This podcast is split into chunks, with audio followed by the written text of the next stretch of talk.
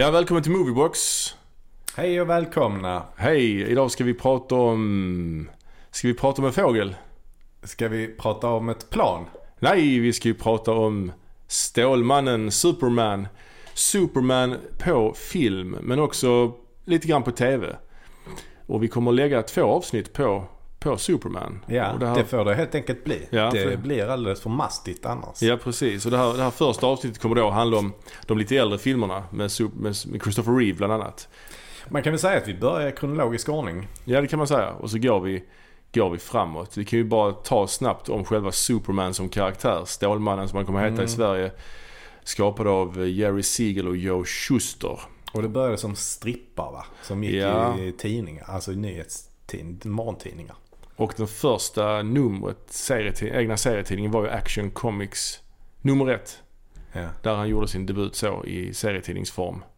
Men Ja. eh, Action Comics nummer ett var ju det i alla fall, liksom, det är ju serietidningssamlarnas lite grann heliga graal, liksom den mest värdefulla tidningen typ. Första eh, Superman-framträdandet. Och han är ju också den första superhjälten. Eh, och Mm. den första, liksom, första superhjälten som också har funkat på film egentligen. Mm. Men eh, du sa det var 38 han debuterade? I, Ja. Action Comics nummer ett. ja. ja. Ja. Ehm, och när kom Batman? Vet vi det?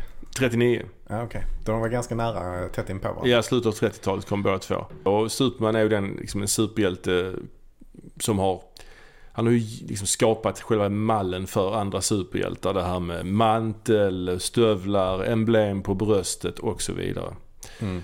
Ehm, och ehm, redan på 40-talet, redan några år efter tidningen, så kom ju de första tecknade filmerna. 1941 eh, så släppte Fleischer Studios ett antal tecknade kortfilmer med Mm. Superman. Vad tycker vi om dem då? Ja, jag gillar dem eh, stenhårt faktiskt. Jag eh, tittade mycket på dem som barn och eh, det är något väldigt speciellt med dem. För att de, de påminner ju inte alls om andra typer av tecknade filmer tycker jag. Utan de är väldigt säregna i sin stil. De är väldigt realistiskt gjorda ju. Ja, animationerna känns riktigt bra. Alltså, Ja. De rör sig ju, har ett rörelseschema som ser väldigt verkligt ut. Som, Mm. som om det är människor ibland. Mm. Eh, och sen själva miljöerna är ju väldigt 40-tal, Mm. 30-40-tal. Påminner väldigt mycket om film noir. Eh, Mm. Alltså den fi- populära filmgenren som var populär då på 40-talet. Ja, precis. Alltså det är mycket skuggor. Det är, det är, det är väldigt mörkt Mm. också. Mörka scener. Ja, Och sen är det ju väldigt snygg stil på det som är det tecknade. Alltså det är ganska så här. Det är art deco-miljöer i New York och sådär. Så att det, precis. Ja, det, det ser verkligen, verkligen grant ut tycker jag. Och varje avsnitt handlar ju i stort sett om att Lois Lane eh, jag bara hamnar någonstans och måste bli räddad. Ja, ja det, det är verkligen eh, en liten mall där. Alla Ja. avsnitten är ju precis likadana. Ja. Och hon är ju väldigt hjälplös i de här. ehm, Mm. hon är inte alls så tuff som hon kommer att bli senare kan man säga. Nej, verkligen. Ehm, även om hon är ganska hjälplös rätt igenom alltihopa så. Ja. eh, det är hon ju faktiskt. Ingen är så bra på att skrika help som eh, Lois Lane. ja, men precis. Men i de här filmerna i alla fall. Det är, mm, Stålmannen han, han känns ju som att han är lite äldre. Ja, oh ja. eh, ja. I, I de tecknade. Och lite mer macho kanske. Mm, mm. Lite mer manlig. Ja, ja. Han är inte så yr och bortkommen som i senare. Nej, alltså Clark nej. Kent eh, alter egot då Ja, så att säga. ja. Sen är, Jag, jag tycker också de scenerna med Clark Kent och Lois Lane i de tecknade filmerna är påminner lite sådär, lite Screwball-aktiga. ja, lite kanske. Lite. Men det kanske är bara för att de, han går i kostym och hatt och Ja. jobbar på en, eh, en nyhetsredaktion. Precis som Ja. i His Girl Friday. His Girl Friday. kanske, är, Och- kanske är därför. Och sen är det ju också, de här filmerna kom ju som sagt mellan 1941 och 43. Det är Fleischer Studios och sen var det Famous Studios som Ja. började dem. Det var någonting att Fleischer, det var ju, det var ju framförallt två bröder. Jag tror det fanns en tredje bror också.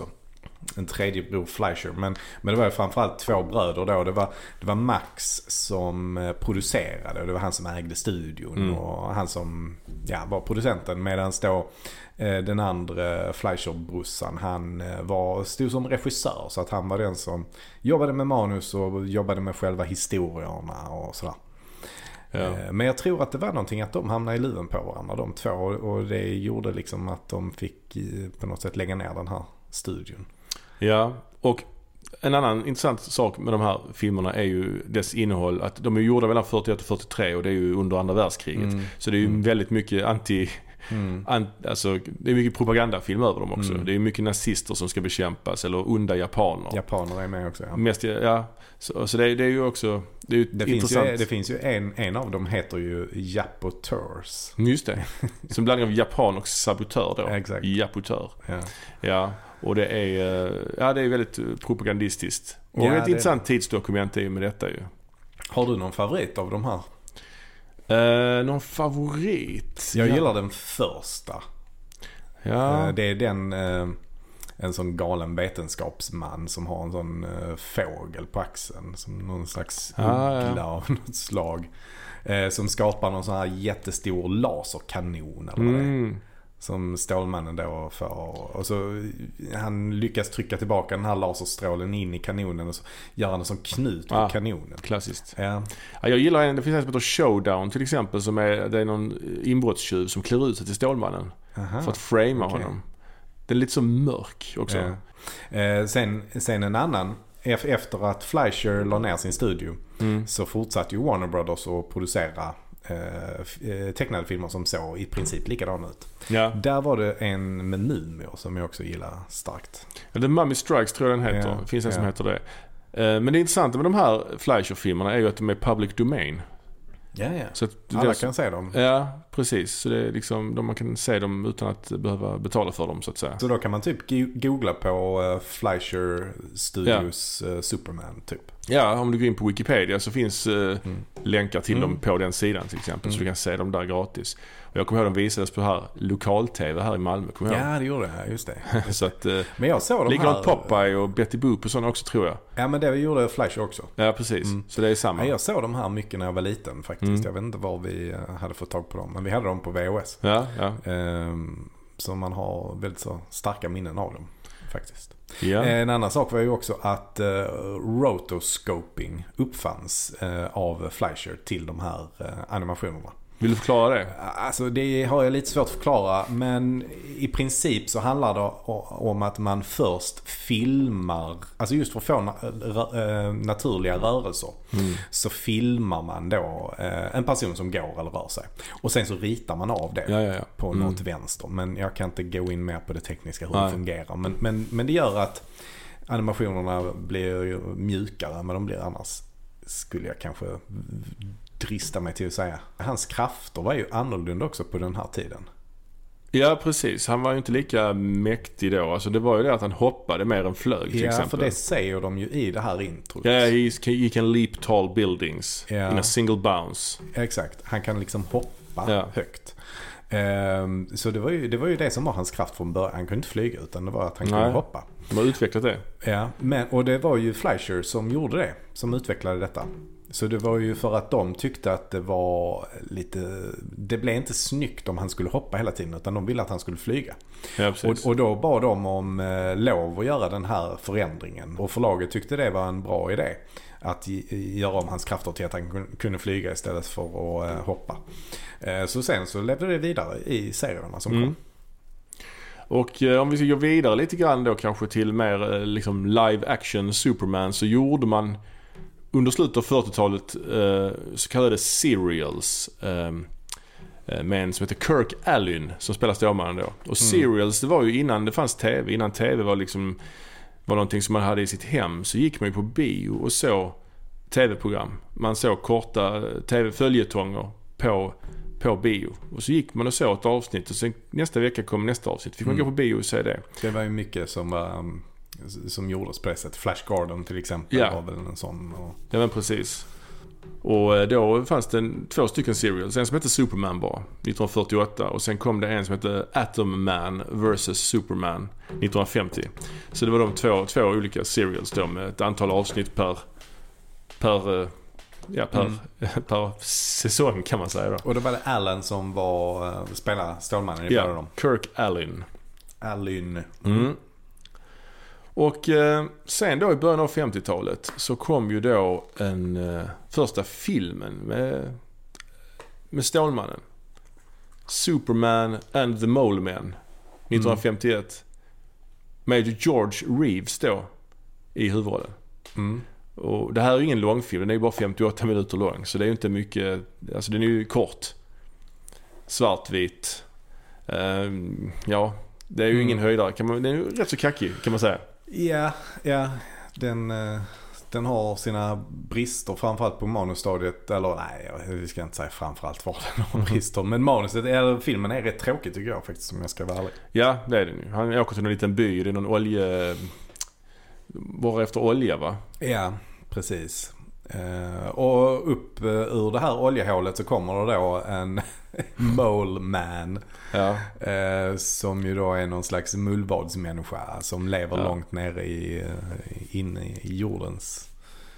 I kärnan någonstans. Det är en Eh, märklig, märklig story att eh, prioritera när man ska göra sin första Stålmannen-film. Ja, för att de här är ju inte så himla farliga verkar det som. Alltså de har något, eh, något konstigt skjutvapen som de hotar med. Men de, de är ju väldigt tråkiga. Så de pratar inte Mm. och är inte så, de känns inte så farliga heller. Ehm, sen ser de ju jäkligt märkliga ut måste jag säga. De är ju korta, så det är väl barn som spelar dem kan jag Mm. tänka mig. Och så har de på sig någon slags mask. Eh, Ja, den är svag. Eh, ja. George Reeves då, han gjorde ju sen, fick också sen göra en TV-serie, Adventures of Superman, som gick ganska länge, mellan 52 och 1958. Mm. Och som var ju svartvitt i början och sen blev det färg längre fram. Så, Och han, eh, han är väl också lite äldre när han gör Stålmannen. ja, och han hade ju haft en dels mindre roller i rätt kända filmer. Han är med både From Here to Eternity och Gone with the Wind faktiskt. Jaha, I små roller. Mm. Så han är ändå, han har ändå gjort sitt avtryck i filmhistorien. Mm. Och sen så har ju du också en eh, kul anekdot om George Reeves. Ja, kul kul men tvärtom skulle jag säga. Men han, eh, han, han eh, tog livet av sig. Ja. Det var inte kul. Jag tror det var på någon fest. Han gick upp i, på andra våningen och sen hittade de honom död. Det finns folk som tror han blev mördad och det skildras då i filmen Hollywoodland. Där Ben Affleck då spelar Reeves. Uh, och det är ju... Han blev faktiskt hyllad. Han vann ju priser för den här rollen Affleck. Han blev ju rätt så hyllad i den här bästa manliga biroll typ i Venedig och sådana grejer. Uh, men uh, sen ryktas det då att på riktigt att han den här eh, Reeves blev mördad av en, som heter, en kvinna som heter Tony Mannix. Som då var fru till Eddie Mannix. Eddie Mannix har vi då pratat om tidigare i, det här, i den här podcasten. Det är ju han som George Brolin spelar i Hail Caesar, Coen-filmen. Och Reeves lär då ha haft ett förhållande med hans fru. Så antingen att frun ledde någon att mörda honom eller att Eddie Mannix själv låg bakom mordet. Detta, vet, detta är ju teorier som presenteras i den här Ja, filmen Hollywoodland. Och det intressanta, vet du vem som spelar Tony Mannix i filmen Hollywoodland då? Är det Josh Brolin? Nej. Men det sjuka är att det är Diane Lane. Ah, Som dels har varit gift med Josh Brolin ja. och dels spelar Supermans mamma i de senare filmerna. Och det sjuka är då att Ben Affleck som vi snackade om innan, han spelar ju Batman i de senare filmerna. Ja. Så det är ju, eh, det är ju nästan för, eh, är- för bra. Ja, det är för bra alltså. Men det är många vändningar där. Kan Ja. vi ta det en gång till? Diane Lane spelar den som är... Som man misstänker, som vissa misstänker har mördat Reeves. Okej, som är fru då till... eh, Alltså, hon spelar ju frun till, till Eddie, Eddie Mannix. Ja. Och Eddie Mannix spelades en gång i tiden av hennes riktiga man. Mm. Ja, det är svindlande ju. Men ja, Fast det, detta var väl eh, nog tidigare än um, Hail Caesar. ja förlåt. Ja, precis. Ja. Ja, det är många Mm. vändningar där. Förlåt, förlåt för detta. Allting tyder ju då på att eh, Ben Affleck och Diane Lane kommer att bli ihop. Oh, ja. riktigt. ja om, jag, om jag kan tolka detta rätt så, så är det, kommer det, Det bli är så. väl kontentan av, Ja. av allt detta. Mm. Ja. Den stora grejen är ju då 1978 för då kommer ju Superman the Movie. Och eh, där är det ju Christopher Reeve som spelar eh, Stålmannen. ja, precis. Eh, Men har han någonting att göra med George Reeves? Nej, det är också lite udda ju att de har nästan samma Det är efternamn. verkligen udda tycker jag. Ja. Man kan ju tro att, det är, att de är släkt på något sätt. Men det är ju... Sen finns det Keanu Reeves också. Det är ju en annan, en annan person. Har han också spelat Så, Stålmannen? så han, han flyger som Stålmannen i Matrix. I slutet på första Ja filmen. det gör han. Ja. Ja, det är, det är, det är så övernaturligt. 1978 då Mm. Året som faktiskt både du och jag föddes. Ja, just det. Ja, Just det. Då kom ju då den här första Superman-filmen. Superman the Movie. Och detta är en film som vi, vi upplevde ju inte den så att säga när den kom. Utan detta är en film som bland annat jag, som jag kom i kontakt med när jag läste serietidningen Gigant. Hemma hos en Mhm. släkting som var betydligt äldre än mig. Han hade sådana gamla 70-tals Gigant med sådana här bilder från filmen i vissa liksom sådana små Mm. idolbilder typ på Christopher Reeve och så. Så det var min första kontakt med Superman-filmerna överhuvudtaget. Och eh, den här filmen, Superman the Movie, den gjordes ju i slutet av den så kallade New Hollywood-eran Mm. som vi pratade om i ett tidigare avsnitt. När den började dö ut och... Eh, Och film- den kommer ju i kölvattnet av Star Wars kan man säga. Verkligen. I kölvattnet av Star Wars och i slutet av New Hollywood-eran där liksom eh, filmbolagen återigen hittade receptet på framgång. När de inte var beroende av eh, excentriska regissörer att göra filmer utan de kunde hitta, de hittade formulan för att sälja en film. Och man pratar ju om det här med high concept film. Alltså en film som, som säljs in eh, som ett koncept med re- reklamkampanj, tydlig eh, profil. Gärna... Va? Men ja, man kanske har färdigt med merchandise och Ja. leksaker liksom. eh, Och i och med att, som Superman är ju en klassisk, den är ju till och med den är också baserad på en förlaga som många känner till. Vilket innebär att det finns en stor potentiell publik. Mm. Och man säljer ofta in filmer med, med någon form av eh, tagline. Eh, här var det ju You'll believe a man can fly. Och detta är ju något som har blivit helt extremt idag kan man säga. Ja, oh ja. För idag görs det ju nästan bara high concept film och det görs väldigt lite. Och, alltså man brukar väl skilja på det som är original stories Mm. och high concept. Det kan ju ändå vara originalhistorier också. Men, Ja. men, men nu är det ju väldigt mycket franchises. Alltså det är Ja. Harry Potter, olika Harry Potter-franchiser och det är Marvel och det är DC. Ja, och även andra ga- gamla klassiska James Bond och så vidare. De har ju också blivit en high concept-serie såklart. Ja, ja. Eh, och det, det, så är det ju. Eh, och här är det ju då också att eh, just det här att man säljer in det här att du kommer få se en människa flyga. För på den här tiden var ju den specialeffektsdrivna filmen var ju inte vad den är idag. Men här hade man ju inte sett något sånt innan heller. Så det skulle man få se för första gången. Jag kommer ihåg teaser-trailern till den här filmen har jag sett. Det är ju filmat från ett flygplan. Man ser moln bara. Och så Mhm. Okej. så säger de bara “You'll believe a man can fly”. Så Superman och så premiär då och då. Inget Mm. mer liksom. Man får inte se någonting så alls. Och sen är det ju också det här att DC Comics är ju de som ger ut Superman. Och de ägs ju sedan många år tillbaka av Warner Brothers. Så det var ju hela, liksom en, hela deras maskineri gick ju igång där att marknadsföra den här filmen Mm. på alla plattformar de hade liksom. Så att eh, just med som du säger med merchandise och, och serietidningar och soundtrack till, till alltså, ja, musiken och så. Så att eh, det är ju en riktigt Mm. stor produktion verkligen. De hade ju en jättelik budget för vad vid den här tiden. Det var ju... Tror Det var, var kanske bara för att Marlon Brando var med. ja, precis. Ja, de hade ju verkligen eh, eh, ett, liksom ett all-star team som gjorde den här filmen kan man säga ju. Ja, ja. Eh, Ja, precis. Alltså regissören då, om vi ska snacka lite om eh, teamet liksom. Regissören var ju som sagt Richard Donner. ja, Richard Donner som tidigare gjort en annan film vi pratade om här innan ju. Mm. The Omen. Mm. Som blev en hit, en skräckfilm, skräckfilmshit. Mm.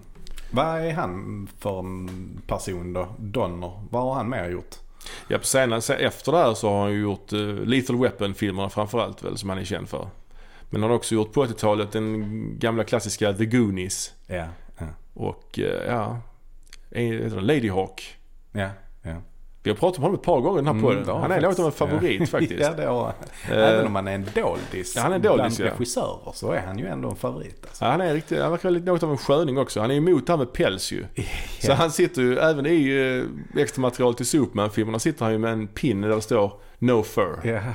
Precis som man gör i extra materialet till Omen-filmerna. Ja. Så det är ett lite härligt eh, Ja. liksom ett genomgående koncept han kör med. Ja, Men just det, inte, han kanske inte var egentligen ett jättenamn vid den här tiden. det var han ju inte. Han var ju inte Nej. deras eh, första val heller. Nej, precis. De ville ju egentligen ha många andra bland annat Sam Peckinpah och William Friedkin och sådana var ju påtänkta. Ja, och de ville ha Terrence Young heter han va? Som har... eh, Jag tror Guy Hamilton va? Ja, jag menar Guy Hamilton ja. Ja, Bond-regissör. Eh, Bond-regissör. Ja, Terrence Young är en annan Bond-regissör. Men han kunde inte filma i England på grund av någon slags skatteflykt. Ja, precis ja. Han, så att han ville bara filma i Italien. Och där kunde inte Marlon Brandos filma. Nej, och där, han var ju persona non grata i Italien efter eh, sista Si- tangon ja. i Paris. Så, Ja, som var sy- syndfull film kan man säga. ja. Så att eh, det, det, det, det blev till slut Richard Donner som inte hade några, som inte var efterlyst i något land kanske, jag vet inte. ja, precis.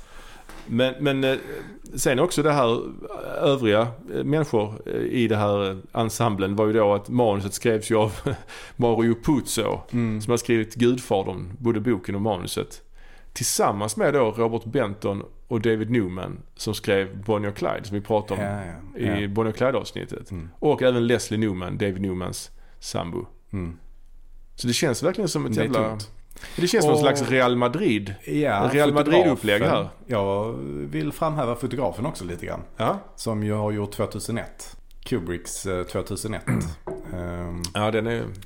det är ett tungt namn också. Jeffrey Unsworth. Ja, precis. Och han har även eh, fotat Cabaret också, Bob Fosse. Eh, sen har vi ju också då, icke att förglömma, eh, musiken är ju komponerad av John Williams. Som hade gjort både musiken till Jaws och Mm. Star Wars. Som var de två mest inkomstbringande filmerna någonsin. Mm. Så att eh, de har Och så har verkligen... han ju gjort denna också. Did I tell you that I love you? Just det. ja, Jerry Williams tror jag. Ah, ja, men ändå. Close enough. Nej men just det här att man verkligen maxar med alla de här kända namnen i. Det känns ju så jäkla fel att Mario Puzo har skrivit Stålmannen-manuset på något Det sätt. känns jättefel, ja. Det är Ja. jättekonstigt. Och, och sen John Williams-musiken, den funkar ju jättebra. Jag tycker det här är bland, bland John Williams bästa. Alltså alla hans, hans ledmotiv är ju jävligt snarlika, det är de ju. Men jag tycker bland dem han har gjort så tycker jag det här är bland de bästa Ja, faktiskt. alltså han har ju gjort så fruktansvärt mycket. Ja. Eh, han har ju gjort Jaws sa du. Vad har han har gjort? Man har gjort nästan alla Spielberg-filmer ju. Ja. I stort ja. sett alla. Ja. Ja, ja. Och Mm. eh, Harry Potter. Och Harry Potter. Ja.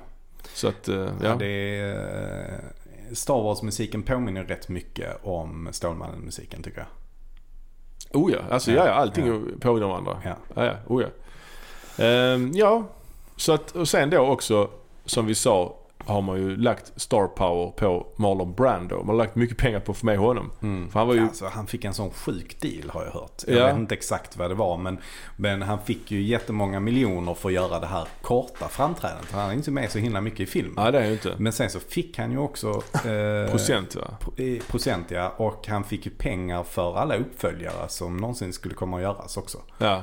Ehm, Ja precis och han, han är ju bara med lite grann i filmen. Han ville ju först inte ens vara med i filmen. Han ville ju bara göra någon slags voiceover. mm. Han ville ju först att, att han spelar ju Jor-El, Stålmannens pappa. Han ville ju att, att den rollen skulle illustreras med en grön resväska.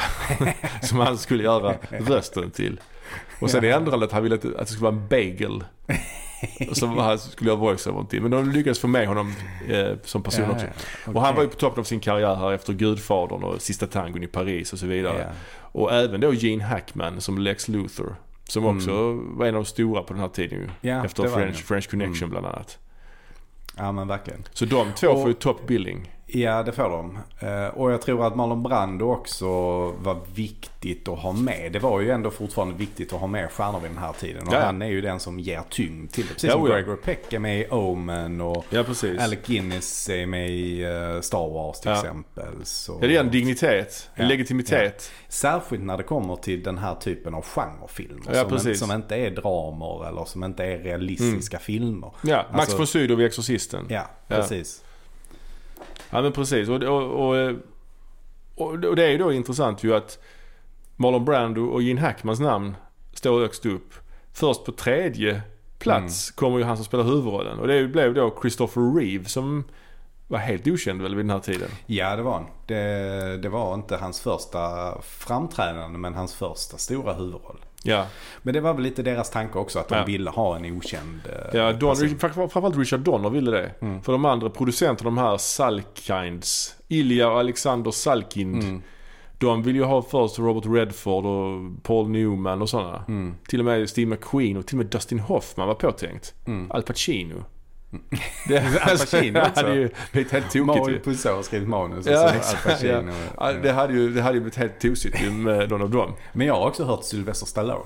Men, Jaha. men det vet jag inte om, om det var så att producenterna ville ha honom eller om det mer var att han ville, alltså Mm. att han pushade på för att han skulle få rollen. Men han kanske var, aldrig var aktuell liksom. Nej. Men, eh, Ja, jag tycker ju naturligtvis att de, vem hade varit bäst av de här då? förutom den det blev då. Ja, ja. Ja, Alltså Redford ser ju inte riktigt ut så som han är van. Han är ju blond liksom. ja det är sant. Men jag tror ändå att det skulle kunna funka. Ja, precis som Daniel Craig är, är ju lite blond också som James Bond. Ja, Ja, jag vet inte. Paul Newman, han har ju, ja, han har ju blicken liksom. ja, Dustin Hoffman är nog absolut sämst skulle jag säga. ja. Han är ju alldeles för eh, mjuk. Mm.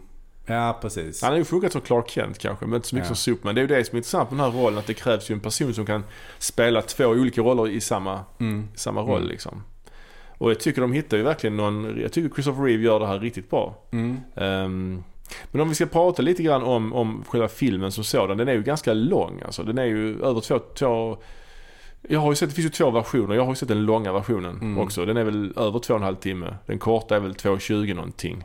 Ja, det kan stämma. Tror jag. jag har inte stenkoll på den. Men, men jag har sett, eh, ska man kalla det för originalversionen? Ja, eller? ja, ja men absolut.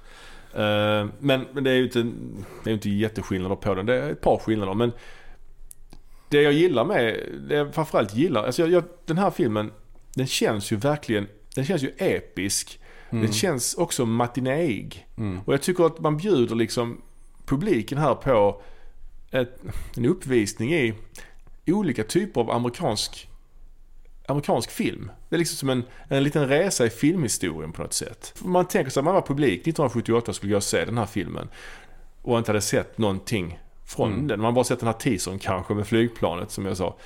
Då är det ju, vet man inte vad man har att vänta. Nej. Och den börjar ju med en, en, en sån här ridå som, och det står 1939. Mm. Och så får Just man det. se, det är svartvitt och sen så hör man ett barn, ser man att ett barn sitter och läser en serietidning. Han läs, barnet läser ju då Action Comics. Så det är coolt att man liksom kopplar Mm. an till, till serietidningsförlagen. Mm. Och sen pratar de om The Daily Planet då. Det till- där var en grej jag inte alls kommer ihåg från när jag såg den Nej, första gången. Jag, jag tycker inte det är så bra faktiskt om jag ska vara... gör inte det? Jag tycker det sätter, upp, sätter en jätte, riktigt god stämning att detta är någon slags, jag vet inte, någon matiné samtidigt som att, och det intressanta är att det är... Jag tycker förtexterna gör det jobbet på något sätt. För Ja, men- förtexterna är ju helt extrema. Ja men det jag skulle komma till att, att man börjar ganska lugnt Ja. med den här eh, lugn, lugn musik, eh, tystnad, spänning, förväntningar i, liksom som i sorlet i bion innan filmen börjar och sen så åker ju kameran igenom den här serietidningen upp i rymden och då kommer de här förtexterna som är Mm. helt, som du säger, extrema. Kanske världens längsta förtexter. Ja. De är helt galna ju. De tar ju aldrig Ja. slut ju. Nej, nej, det är flera minuter med bara namn som svischar Ja, och eh, strålar. förbi. Ja, Varenda ka- gubbe som har varit med och gjort filmen liksom. Ja, får en sån. Ja, First assistant director. ja, det, det, det är crazy. Ja, ja. Eh, Men sen kommer man ju då till planeten Krypton och det är också intressant för att det här som sagt är en film som hade 55 miljoner i budget. Det var jättemycket pengar. Mm. Alltså 3 miljoner i budget var jättemycket pengar.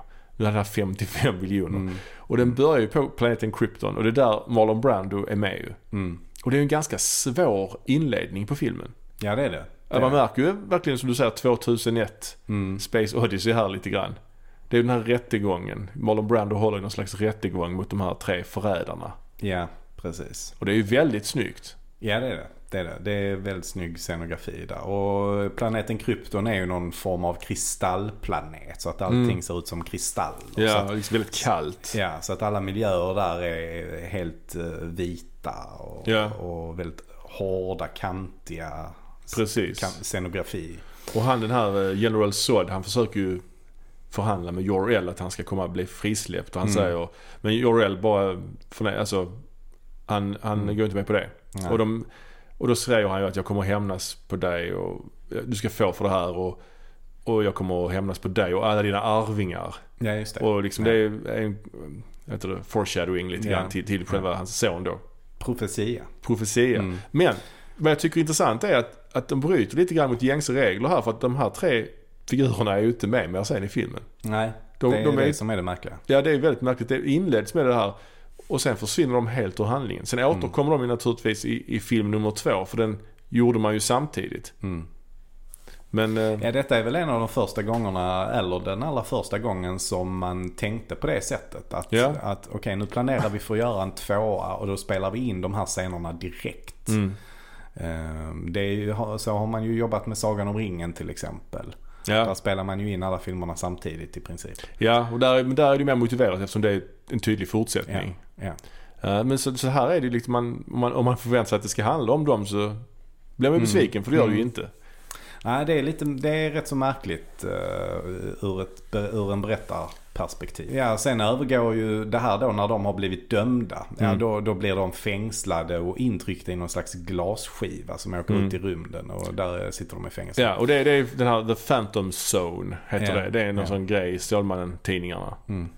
Och i den långa versionen av filmen så pratar de ganska mycket om det faktiskt. Ja, ja. Det är lite ja. mer liksom, material, lite mer scener med, på krypton när Mm. Jor-El pratar Ja, om The. Phantom Zone Nej, och så det är vidare. upp till 40 minuter eller något sånt eh, på krypton va? Nej, långa. oh, nej, nej, inte så Nej. mycket. Men i den, i den vanliga versionen så är det ju i stort sett att planeten går under efter, efter den här rättegången. Ja, inte riktigt. Men alltså det, de är ändå där i en, är de där i 20 minuter eller någonting sånt i den vanliga versionen.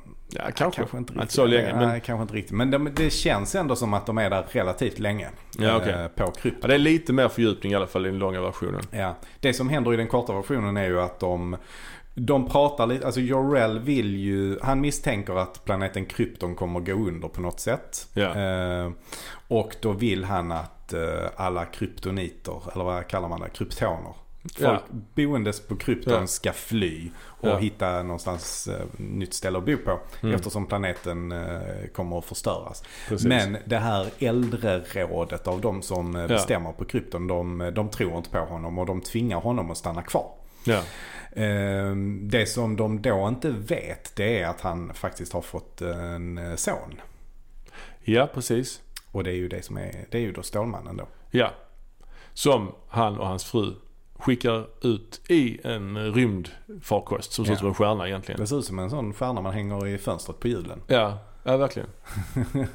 och så åker han iväg dit. Och eh, ja, sen så, ja, sen vet man ju storyn. Han kraschar där och de här makarna Kent hittar honom. Mm. Och eh, sen eh, är det ju här, är det ju väldigt så här. Ja, alltså nu ändrar ju filmen karaktär väldigt mycket. Från Ja. att ha varit sci-fi inspirerad, lite fantasy inspirerad, ganska mycket Star Wars kan man säga. Ja, på och väldigt, Krypton. ka- väldigt kall film. Ja. Vi kan också nämna förresten det också att Marlon Brando har ju det här Stålmannen-emblemet på.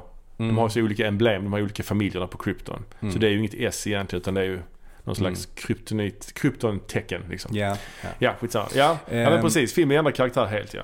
När, när, när han lämnar, Stålmannen lämnar krypton och eh, kraschlandar i USA då eh, och blir hittad där så ändrar filmen väldigt mycket karaktär. Och eh, för att då kommer ju ett segment som handlar om Stålmannens uppväxt i Mm. byn Smallville.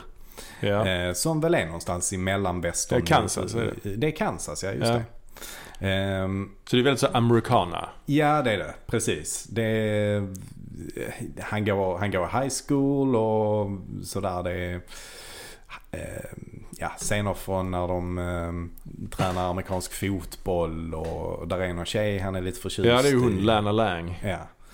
Ehm, men han, ja, han får inte, han, får, han är lite, lite mobbad känns det som. Ja det är han ju. Han är den som får liksom ha hand om utrustningen till Mm. fotbollslaget och så vidare. Mm. Och han spelar, han spelas ju då Clark Kent som han heter av en som heter Jeff East. Mm, Som spelar den unge Clark Kent då.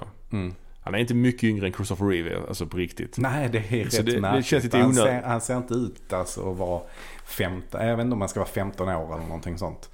Men det ser han inte ut. Han ser ut att vara 25. Ja, ja, visst. Vilket ju eh, Christopher Reeve var ungefär. Han var 25-26 Ja, och det intressanta här också är att, att han är ju dubbad av Christopher Reeve. Ja. Så det är inte hans riktiga röst Nej, heller. nej. Så det är, det är lite märkligt, man får liksom lite märkliga, det blir lite konstigt bara. Ja, det blir det. Det blir det. Eh, Ja, nej, men det som händer är ju då att uh, hans styvfar, vad heter han? Kent? Jonathan Kent. Jonathan Kent, han, han dör så småningom i en uh, hjärtattack. De bor ju på en bondgård. Ja. Och då mm, får han en hjärtattack och uh, dör där på, mitt på gården. Ja. Eh, Så det är lite, lite sorgligt för de verkar ja. ändå, det har ändå varit ganska fint sådär. Ja. Fint familjedrama. Lite så coming of age-aktig Ja, film. och de lär, hans föräldrar lär honom om mänsklighet och hur man ska Mm. bete sig. Han vet att han är speciell men han måste göra sig och så för Mm. han kan inte visa sina krafter helt offentligt och så. Nej. Nej, han får verkligen en sån eh, boy scout uppfostran. Ja, ja, precis. Att hålla hög moral och god etik och så. Men det är ju liksom också väldigt, som sagt, americana med liksom vyerna över Kansas, alla de här fälten och soluppgångar. Lite sådär nästan bort över vinden-aktigt emellanåt med, med de här storslagna vyerna. Ja, Och- och- alltså tittar man på Star Wars så finns det vissa liknelser. Tycker jag. Den, den, om man tittar på hur den börjar så börjar den med någon slags actionscen. Alltså Ja. de pratar om den första Star Wars-filmen. Ja, ja. Episod 4 då. Så börjar den med någon slags eh, actionscen med Darth Vader i, i ett rymdskepp och så. ja. Nästa scen där är ju Luke som eh, också Ja. bor med styvföräldrar. Ja, verkligen. Ja, Eh, på en bondgård typ. ja kan man säga. Eh, och eh, där finns till och med vissa scener som är extremt lika. Det, för att där är någon scen där, där Luke tittar ut mot, det. där är ju två solar Ja. på den här. Han Ja. tittar ut, man ser de solarna i bakgrunden. Ja. Och vi har något liknande här också. ja, det är ju då efter begravningen. När de har Mm. pappan så står ju, kommer ju mamman, eh, går upp på morgonen och ser Clark stå mitt ute på fältet och hon går ut till honom. Mm. Och så säger han att jag måste ge mig iväg. Precis som Luke också då. Mm. Och sen så kramas de och tittar ut över.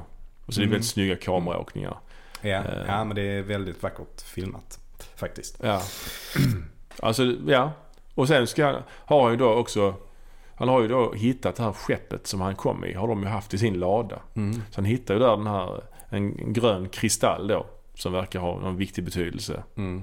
Ja, det är nästan som att den kallar på honom. Ja, exakt. Ja. Och sen beger han sig ut. Han ska norrut. Och han beger Ja. sig till Nordpolen. Mm. Så bara. Mm. Går rätt snabbt. Ja. Och där kastar han den här kristallen i, gröna kristallen i vattnet och då byggs det upp det här, eh, det här fortet, den här Ja. fästningen. The Fortress of Solitude. Just det. Och det är alltså Nordpolen han sticker till då? Ja, Ja, ja. och han, eh, ja, och den byggs upp och där får han då träffa Marlon Brando som någon slags hologram. Som då börjar berätta för honom om vem han är och var han kommer ifrån. Och här är det en ganska arty sekvens. Där vi åker ut i rymden igen och Marlon Brandos Mm. voiceover. Och Mm. Det är väldigt eh, arty. Mm. Lite svårt till och med. Mm. Ja, men det är det. Det är det. Ehm, Och, ja. man, och det slutar ju med att eh, den här sekvensen med att man får se Marlon Brandos ansikte i någon slags i, fryses till is. Och sen så vänds det om och vi åker in genom ögat och där ser vi, en, ser vi Stålmannen för första gången fast man får aldrig riktigt se honom. Han står så Ah. långt borta, sen flyger han förbi kameran. Detta är alltså i minut 50 i filmen. Där, där får vi se Stålmannen nästan, där får vi nästan se Stålmannen första Mm. gången. Så det är ju väldigt så här. Mm. Och sen klipper man igen. Mm. Och då ändrar filmen karaktär igen. Just det. Just det. då är vi inne i så kallad nutid, alltså 1978 då. Eh, och då är det Clark Kent. Ja. och det är då eh, vi får se Christopher Reeve för första gången. Precis. Och han, går, han, ska han, har precis, han har precis fått ett nytt jobb på den här tidningen The Daily Planet då. Så där, har, där får man heller ingen riktig förklaring på hur det går till. Liksom. Hur eh, hamnar han på, i, i Metropolis? Och vad har han varit och pluggat till att bli journalist? Eller vad har han liksom? nej, det, det, han det, har, det har vi inte fått se någonting om. nej, det. nej det, är lite, det kommer lite abrupt tycker Mm. jag. Men detta är väl liksom ändå 20 år senare nästan ju. Ska det vara det? Ja, jag vet inte. Nej, det kan det inte vara. Ska, menar du att Clark Kent ska vara 45 där? Nej, han är... Nej, Ja, men säga att 35. han är 35 och han är ju 15 där. Nej, jag vet inte. Men det, Ja. det är ju senare i alla fall. Ja, det är det ju. Men det, jag, det känns inte som att det går så många år. Sen en annan fråga. Alltså åldras Stålmannen på det sättet? Ja, det gör ju inte seriefigurer egentligen. Det är precis som, de gör ju inte det. Det är ju, Spindelmannen var ju tonåring på 60-talet och fortsatte vara det rätt länge liksom. Ja men jag menar Stålmannen har ju sådana superkrafter och sånt liksom. Kommer han verkligen och när, han är, när Stålmannen är 80 år, har varit Mm. 80 år på jorden, kommer han vara vithårig då? Ja det vet jag faktiskt inte. Alltså det, jag känns ju som att han, i hans krafter borde det ingå att han inte åldras i samma takt som vanliga Jag vet inte om han kan dö av hög ålder ens. Han kan ju dö av grön kryp- kryptonit. Ja. Han kan även bli skadad av magi vet jag. Kan han det? Ja. Jaha. Ja. Ja. Och så finns det andra färger på kryptoniten Ja det gör det. En hel, en hel uppsjö. Röd. Ja och guld finns också. Vit. Just det. Jag kan inte vad alla gör alltså. Det var länge sedan jag, jag har inte aldrig fördjupat mig riktigt i Stålmannen. Jag tror- nej. Lauren så Men, mycket. Röd kryptonit tar bort hans krafter bara. Det Ja. där, han, blir inte, han blir inte skadad av det utan det tar bara bort hans Ja krafter. okej. Det finns ett klassiskt Stålmannen, eh, liksom en Stålmannen-episod i tidningen som Alan Moore skrivit. Han som skrev Watchmen. Där han tror, jag tror han går in i någon guldkryptonitkammare och tar livet av sig. Men det antyds i slutet säger att han liksom återföds på något sätt. Jag vet inte. I alla fall. Mm. Eh, han kommer då, då till tidningsredaktionen The Daily Planet, eh, Clark Kent. Och han får då träffa både Lois Lane, spelas av Margot Kidder, och då eh, Perry White, spelas av Jackie Cooper, någon slags före detta barnstjärna va. Mm. Och han träffar också Jimmy Olsen, Mm. spelas av Mark McClure, heter han det? Ja, McClure. Just det. Ja. Ja, nej men eh, jag känner inte igen de två skådespelarna riktigt sen tidigare. Men Nej, Jackie Cooper slog igenom som slags som, som, som barnstjärna så att han är mest, var mest känd Ja, då. Men, men, men eh, det jag gillar, jag gillar dessa scenerna jättemycket. De här scenerna på The Daily Planet, det är ju liksom, det är verkligen screwball-komedi. mm, mm. Och det är ju väldigt rapp dialog och de smäller och...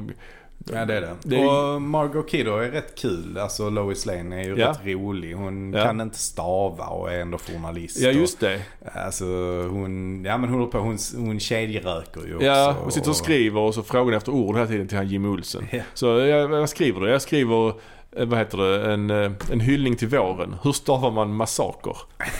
Sådana grejer. Och, och, och eh, sen också då han Perry White, eh, han, han eh, ska ha kaffe och han är också väldigt rolig, st- superstressad. Och, Ja, och just det här att han säger, Clark Kent, han, han har en väldigt han välformulerat språk och jag har aldrig sett Mm. någon skriva skrivmaskin så snabbt som han.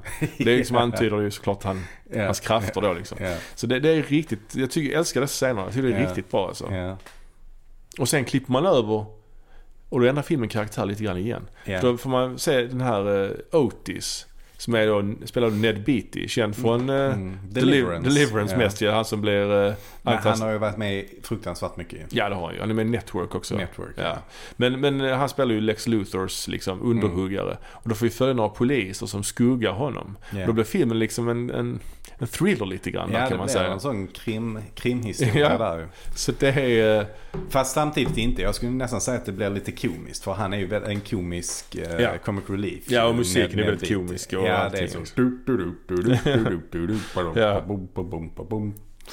Så. Där han kommer gående där. Han har Ja. rätt så, han har lite så konstiga kläder också. Ja, man går och käkar typ någonting. Jag tror Ja. han käkar sånt där kanderat äpple eller något Ja, sånt. just det. Och så försöker han stjäla någonting. Ja, för en blind tidningshandlare. Ja, exakt. Stjäla godis. Ja. Alltså skäller hunden. Ja, det är mycket sånt ja. trevligt ju. Ja, Eh, ja, ja, det är det. Och sen så eh, visar det sig då att han arbetar för Lex Luthor. Ja. Som är någon slags eh, master criminal. Ja, han kallar sig ju för liksom det största kriminella geniet någonsin. Ja, just det. Det är roligt han kallar sig själv för det. ja, ja. Ehm, och han är ju, det är också väldigt roligt. Han är högst ordinär kriminell skulle jag säga. Ja, men han bor ju i en jättelyxig lägenhet under marken. Liksom. Ja, ja. Och han är ju förbannad på Otis hela tiden. Det är väldigt komiskt här. Kanske ja att... och eh, hans andra medhjälpare, Miss Tessmacher. Tess Marshall, ja precis. Jag tycker det är lite, nästan lite för komiskt kanske. Ja, ja, det är det. Men det är trevligt så ju. Mm. Men filmen har ju varit, hittills varit mest en origin story eller så. Mm, nu mm. börjar, nu börjar liksom själva Plotten. plotten gå The- igång. The Konflikt. plot thickens. Exakt. Ja, nej, men nu får vi ju reda då lite grann på vad, vad han pysslar med, Lex Luthor. Mm. Eh, Får vi reda på vad hans plan är här redan eller det kommer först lite senare? Ja, det kommer lite senare. Ja. Men hans plan i alla fall det är då att han ska stjäla en eh, kärnvapenrobot som Ja. han ska eh, spränga i Kalifornien mellan eh, två sådana här jordplattor så att det blir en jordbävning då. Och då ska man alltså kunna Eller då, då blir det en ny kustlinje kan Ja. man säga av Kalifornien. Så hans plan är då att köpa upp en massa mark Mhm. som idag inte är värd så mycket för att den ligger i, mitt i öknen. Mm. Men spränger man bort Kalifornien så kommer det bli den nya kusten och då kommer Ja. den marken vara jättevärdefull. Costa del Lex, som det ska heta. ja, just det, Ja. just det. Så det är det som är hans plan. Ja. Men han känner ju fortfarande inte till Stålmannen riktigt. Nej, och Stålmannen då, han ingriper ju inte i den här filmen förrän i minut 70. Jag räknade ut det. alltså, Så det är ju väldigt det här långsamma New Hollywood-berättandet som vi pratade om Ja, här förleden. Att, alltså, om man jämför Exorcisten till exempel så tar det ju en Mm. timme innan det blir Mm. övernaturligt. Här är det ju Mm. också likadant alltså. Mm. Eh, och det är ju det att Lois Lane, hon håller ju, eh, hon är hennes helikopter håller ju på att krascha. Från, den ska lyfta från taket och den fastnar i, i någon Mm. vajer och den hänger Det över är huset. ju rätt så starkt alltså av eh, Daily Planet att ha en egen helikopter tycker jag. Ja det är det. Ja, det, är det. Ja. Och han flyger upp och räddar henne. Så, Sydsvenskan har ingen egen helikopter. nej det tror jag inte. Vi har ingen Stålmannen heller här i Malmö i och sig. Men så är det ju. så. Nej. Men eh, ja, så, så flyger, han flyger upp och fångar helikoptern och det är ju först där Mm. han gör sin, sin entré. Och sen får man ju se så här ett collage av hjältedåd. Hur han stoppar någon tjuv, han räddar en katt från ett träd. Mm. Massa olika. Han, något flygplan som håller på att krascha, han hjälper också. Mm. Ehm, Mm. Eh, och sen så utvecklar sig också någon form av kärlekshistoria mellan Lois Lane och Stålmannen. ja, det är ju... För hon får ju i uppdrag att hon ska följa Stålmannen och Mm. skriva om honom och sådär. Ehm, och så får de någon slags relation. Ja, hon får en intervju med honom. Han kommer Mm. hem till henne. Hon, Mm. har, hon har också en sjukt lyxig lägenhet. Mm. Hon Ja, har en taklägenhet med trädgård på taket och sånt. Ja, jag fattar det, hon måste tjäna det. jättemycket pengar. Ja, ja. Och där är ju någon slags... Så var det förr att vara journalist. Ja, det var ett riktigt... Men det där är någon konstig scen där ju. Där han tar Ja. med henne på en flygtur. Ja. Den är väldigt märklig. Man spelar en väldigt smörig musik och man hör någon voice-over där liksom det blir hon som berättar istället. ja, Hon blir någon slags huvudperson här och hon undrar “Can you read my mind?” just det. Hon spekulerar ifall Stålmannen kan läsa hennes tankar. Vad är det ens? Vad är det för en scen alltså? Jag har hört att det, hon skulle egentligen sjunga detta. Oj. Men hon hade så jäkla dålig sångröst så Mhm. det, hon fick bara läsa upp det istället. Och det bidrar nog lite till att det blir så eh, att det blir lite konstigt. Fast hade hon sjungit hade det ju varit jättekonstigt. Ja, Att Ja. börja sjunga mitt i, efter en och en halv timme, första sångnumret. Det hade varit Ja. mm, supermärkligt. ja men jag tror att det handlar lite om att, eh, att eh, man vill visa att hon är förälskad i Stålmannen. Ja, ja. På något Jo, sätt. jo. Jo. Men det hade man kunnat göra med blickar, tänker jag. Mm. Och så vidare.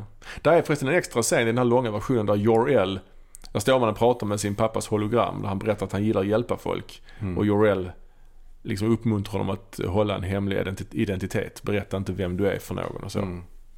Kan, Ja. Intressant. Mm. Ja. Ehm, Men, men den här, hela den här sekvensen alltså eh, efter eh, Smallville. Den är ju ändå mycket, ja men det är ändå ganska mycket fokus på kärlek tycker jag. Alltså Mm. lite så romantik mellan Stålmannen och Lois Lane. ja, precis. Och Clark Kent i detta då. Ja, Och de blir nästan rånade i en gränd också ju. mm. Och han fångar kulan. ja just det. Ja. Och Lex Luthor då, han blev ju förbannad då när Stålmannens existens blev känd. Just Lite omot- omotiverat arg. Ja, jag ska få göra allt han står för och sånt direkt. Ja, ja. Ehm, jag har aldrig riktigt förstått det men det, ja. Ja, och sen där går den ju över lite mer till att bli eh, en heistfilm.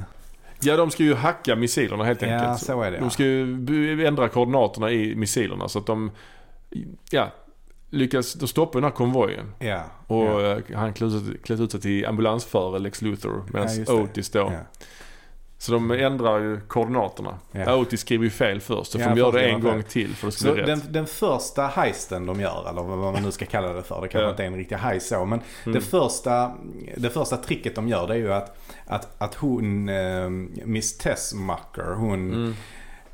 De lägger ut henne så att det ser ut som att hon har varit med i en bilolycka. Och, och då kommer den här militärkonvojen och stannar. Och då kommer, går ju de ut och ska göra livräddning på henne. Eller först, Ja. vad heter det? Första, första hjälpen? Nej, Ja, men, ja, precis. Hjärt-lungräddning. Hjärt-lungräddning. HLR för fan. HLR. Med sexuella antydningar onekligen. Ja, precis. Inte Vet du vem det är då? Ja, ja, det är ju Larry Hagman, J.R. Ewing, Ja, som gör lite cameo där. Ja. Det är jättekonstigt. Ja. Det är rätt ball att han är med där Ja. faktiskt. Eh, ja, men då misslyckas det ju för att uh, Otis slår in fel, fel koder. Så de får Ja. göra om det. Ja, och sen är det ju så också, vi ska inte glömma det att eh, Lex Luthor och hans gäng har ju också lyckats få tag på lite kryptonit. Just det. Så de Mm. kan eh, använda på Stålmannen. Så Mm. han är Mm. eh, satt ur spel så de kan Mm. härja fritt. Men det är ju så att hon, Miss Teschmacher hjälper honom för att den ena, de ska ju skjuta iväg två missiler ju. Mm. För Stålmannen kan inte kunna fånga båda. Så den ena är på väg mot Kalifornien och den andra är på väg mot New Jersey där hennes mamma bor. Ja, så det. därför hjälper hon Stålmannen så han kan stoppa den missilen liksom. Mm. Men då, landade, då, då blev det ju att den andra miss- missilen slår ner och Kalifornien, eh, det startar en jordbävning i Kalifornien. Mm. Och eh, Och nu kan man säga att det börjar likna en annan populär genre vid det här Ja. tidpunkten. katastroffilm. Ja, exakt. Ja. Det är ju lite det det blir. Ja, verkligen. Och eh, Lois dör ju. Ja. Lois Lane dör. ja. Det var oväntat. Mm. Eh, och då sker ju någonting. Ja, Stålmannen blev förkrossad naturligtvis. Men Mm. då sker någonting helt galet.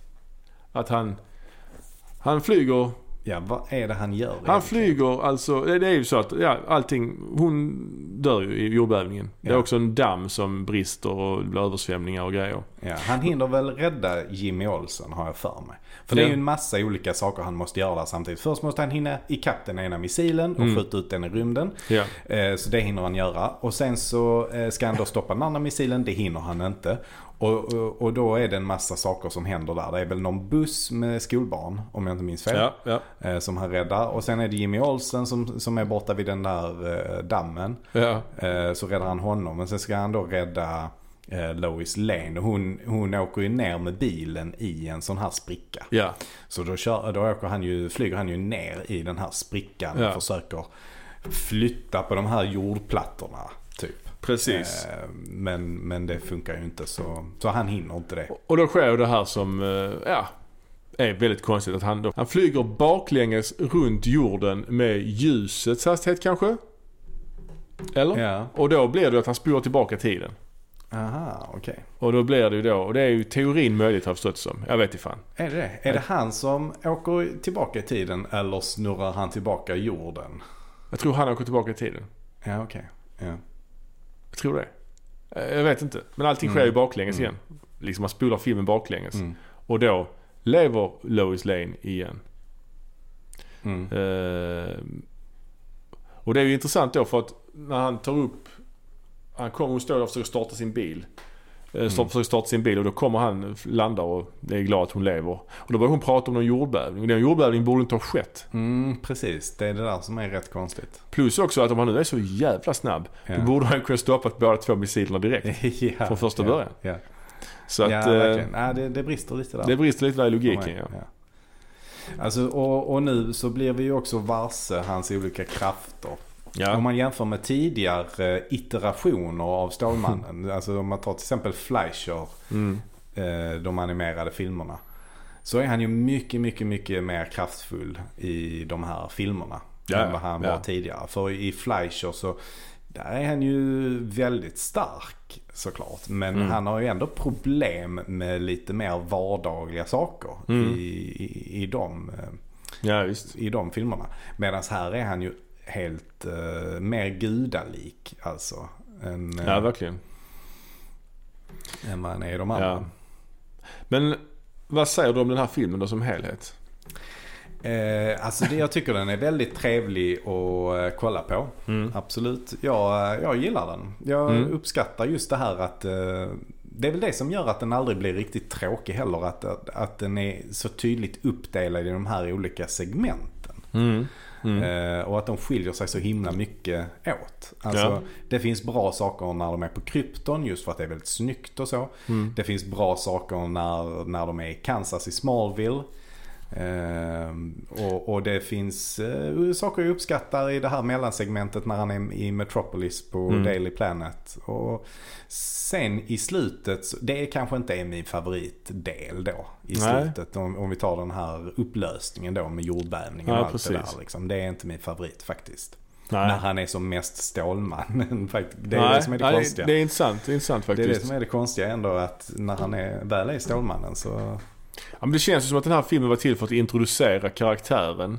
Och, men man var ändå tvungen att ha med en antagonist och någon form av intrig. Mm. Och då fick man slänga in det här kanske. Jag vet inte. Alltså det här med Lex Luthor-biten med missilerna och det. Det är ju Mm. liksom inte något stort egentligen. Det går ju väldigt fort liksom. Mm. Mm. Eh, Men jag tycker den här filmen är jättebra. Jag tycker faktiskt den, alltså den, jag blir aldrig trött på den. Den är Nej. väldigt snyggt gjord. Mm. Oerhört snygg. Man märker ju att den är, den är dyr. Mm. Och den här liksom 70-tals glossiga bilden också. Ja. Som är, det är rätt gött alltså. Mm. Ja, men jag, gillar, jag gillar looken på den. Ja, verkligen. Den känns verkligen 70-tal. Och sen var det ju också det att på den tiden så det, det kom ju fram andra typer av eh, huvudrollsskådespelare som Mm. inte var så himla macho. Nej Som de var tidigare på 50 och 60-talet Ja. med John Wayne och sådana. Ja. Medan 70-talet så förändrades det. Mm. Det kom en annan typ av, eh, vad ska man säga, male lead. ja. Roy Scheider till exempel. Ja, exakt, exakt. Dustin Hoffman. Eh, Ja, men alla dem. Ja. Ehm, och jag tycker att eh, Christopher Reeve är lite i samma, i, Mm. i, den, i, den, eh, i den stilen också. Just Ja. när, I alla fall när han spelar Clark Kent. ja, Ehm, verkligen. Det är lite synd att flygscenerna har åldrats rätt rejält ju. Det är Mm. väldigt Mm. kast emellanåt. Ja. De vida bilderna framförallt. Det är lite synd. I Ja. övrigt tycker jag filmen är, känns bra fortfarande rent tekniskt. Sen, sen har jag ju, alltså det här är väl lite att svära i kyrkan. Och nu Mm. kanske det låter som jag säger emot mig själv. Men eh, Mm. jag ska försöka förklara. Men jag, jag är inte så jätteförtjust i, i eh, Christopher Reeve. Faktiskt. Ja, okej. Nej. Alltså för, och, det, och det, jag tror att det har mycket att göra med att han är alldeles för uh, goody two shoes när han är Stålmannen. Och han är alldeles för töntig och klantig när han är Clark Kent. Mm. Eh, jag kan ändå uppskatta det han gör som skådespelare. Liksom. Jag kan ändå tycka att han, han gör det bra. Mm. Alltså, han, för att när han är Clark Kent. Det är inte bara så att han sätter på sig ett par eh, glasögon och så är han Clark Kent. Och sen tar han av sig dem och sen är han Stålmannen. Han spelar ju på väldigt olika sätt Oh ja. Eh, när han är Stålmannen. Men, men jag tycker att han är lite för... Alltså på något sätt när han är Stålmannen så känns det som att han är en robot. Som, eller en, en scout. Alltså Ja, han, ja. han... Det finns liksom ingen substans i det. Alltså han har Nej. ingen personlighet eller vad man ska säga. Frågan är om, har, har han det höll jag på att säga. Jag vet att han är ju the big boy scout på något sätt. Mm, mm. Sen tycker jag, som du säger där när han är Clark Kent jämfört med när han är Superman. Jag tycker han är nog den enda av de här Superman-skådisarna där man känner att han ändrar ändå sitt utseende jävligt mycket när han är Clark Kent. Mm. Alltså Mm. det är ju vär, egentligen världens dummaste grej att han tar på sig ett par brillor så ser ingen att det är han som är Superman. Men i, i det här fallet tycker jag ändå det är lite okej. Mm. För han ändrar sig så pass mycket och det har så stora glasögon också som täcker Mm. halva hans ansikte liksom. Ehm, ja, ja, jag gillar honom men jag förstår dina invändningar. Men Mm. Sen är det väl också att i alla fall i ettan så alltså Christopher Reeve är ju lång. Han är ju 1,95 eller något sånt. Mhm. Ehm, men han är ju inte så himla muskulös. Och i alla tidningar och så så har ju alltid Mm. Stålmannen varit extremt muskulös. Han Ja. tränade ju i och för sig upp sig väldigt mycket och då blev han ju faktiskt tränad av David Prowse. Som Just det, Darth spe- Ja, spelar Darth Vader. Ja. Han var ju även påtänkt, eh, eller jag vet inte om han var påtänkt, men han ville också spela Stålmannen i alla fall. ja, det är ju... Ja. Eh, han är någon slags engelsk eh, tyng- tyngdlyftare tror jag att Ja, han någon var. slags, ja, någon slags Eller bodybuilder. gymgubbe. Ja. Jag har faktiskt träffat honom en gång. Är det sant?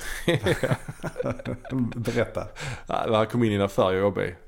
Gör det? Ja, alltså. Ja, det är 20 år sedan. Över 20 år Kom sedan. han in där och sa Hello, I'm Mr David Prowse. Ja men det var någon sån sci-fi-mässa som var i stan. Det var den första sci-fi-mässan som var, och, Ah, okej. och då var han gäst liksom. Ja. Och då jobbade jag i en affär som hade med det att göra. Ja, Och då kom han in i affären. Min, minns jag mycket väl. ja, ja, ja. Eh, men jag tycker faktiskt den här filmen är en oöver, oöverträffad Superman-film på Mm. många sätt alltså. Mm. Den första, jag gillar just att man låter saker ta sin tid. Som jag Mm. sa jämfört med, jä- jämf, precis som i vissa andra filmer från den här tiden. Om, jämför med dagens superhjältefilmer Mm. där det måste slängas in action hela tiden. Så låt mig ändå liksom här, låt mig ta sin tid. Mm. Jag gillar actionscener, det är inte det. Men jag menar, ja, jag tycker den... Sen är den kanske, som du säger, lite tradig i slutet där. Själva uppgörelsen är inte superspännande. Det går väldigt fort. Och effekterna har tappat en del också. Ja, det är- det är det största nackdelen, Den här fantomzonen, den ser ju inte bra ut alltså. Nej, det ser ut som den här Bohemian Rhapsody-videon i Ja, Queen eller exakt. någonting. Ja. Och det är när han flyger, det, det kan man ha lite åsikter om också. Ja. En annan sak som ser riktigt jäkla konstig ut det är ju när, när han är ung där i Smallville och han ska springa. Han springer Ja. bredvid ett tåg. Ja. Alltså det ser så konstigt Han ut. springer väldigt konstigt. Han springer väldigt konstigt. Alltså, det är som att de har speedat upp bara benen medan armarna går i slow motion istället. Så går benen skitsnabbt. Ja, den här filmen, den skulle egentligen sluta med de här tre, eh, Sod och hans kumpaner skulle bli frisläppta i slutet Mm. ju. För de spelade in tvåan samtidigt som de spelade in ettan. Och då kanske vi ska gå över till att prata om den andra filmen. Mm. Då gör vi det. Ja, vi ska ju prata nu om Superman 2 då. 1980 kom den ut, men den filmades ju samtidigt som Superman 1. Ja. Men i alla fall ganska många delar, scener i den är filmade samtidigt. Ja, för det blev lite uh, halabaloo och Richard Donner fick ju sparken. Va? Vad säger du? Han fick sparken Ja. och ersattes då av Richard Lester som då filmade om det mesta av filmen. Så nu gick det okej. Det gick inte att sparka eh, Chimino från eh, Heaven's Gate. Nej, det gjorde det inte. Men här gick det helt plötsligt jättebra och, och sparka Donner trots att man hade gjort en väldigt framgångsrik film. För, för ettan var väl ändå framgångsrik? Oh ja, oh ja. Mm. Jätte, jätte, jag tror Warner Brothers största succé någonsin typ. Mm. Eh, så att... eh, Och då kickar man honom. ja, det, jag vet inte riktigt exakt varför men det var väl creative differences. Ja, det är det de säger. Ja. Och eh, sen så lyssnar man på dem i efterhand så säger de väl att de är bästa vänner idag och sånt. Men, Ja. men Det var de här eh, producenterna, Salkinds. Ja, precis. Och de var väl heller inga... Vad var de? Har du någon koll på vad det var för typer? De hade ju jobbat med Lester innan ju. Mm. De hade ju... Tror Tre, tre musketörer Ja. tror jag de hade gjort va? Ja, precis. Eh, Det var ju faktiskt, apropå de tre musketörerna som då Richard Lester regisserade några år Mm. tidigare.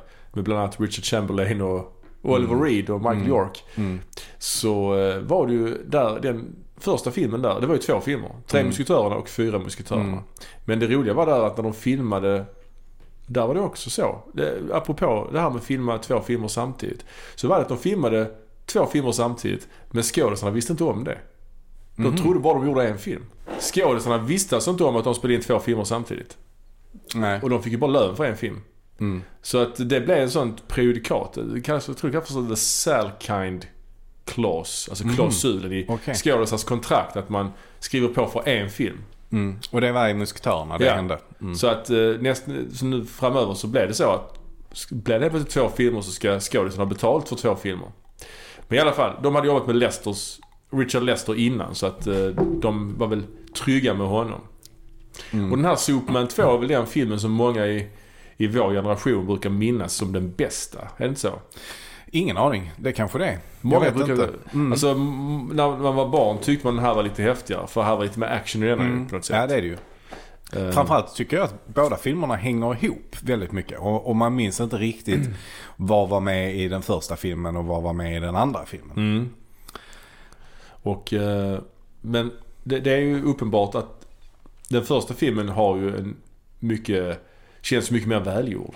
Mm. Alltså, ja, definitivt. Förtexterna till exempel på den här andra filmen är ju mycket kackigare och bland, Mm. alltså bland annat. Mm. Eh, Men, men det finns ju också då, Richard Donner han fick ju sparken men flera, flera år senare, 2006, så hade han, fick han ju möjlighet att, att klippa om och släppa sin version av den här filmen. Som kallas för The Richard Donner Cut. Mm. Som är ganska annorlunda faktiskt. De har klippt om flera scener och använt det originalmaterialet man filmade innan Donner fick sparken.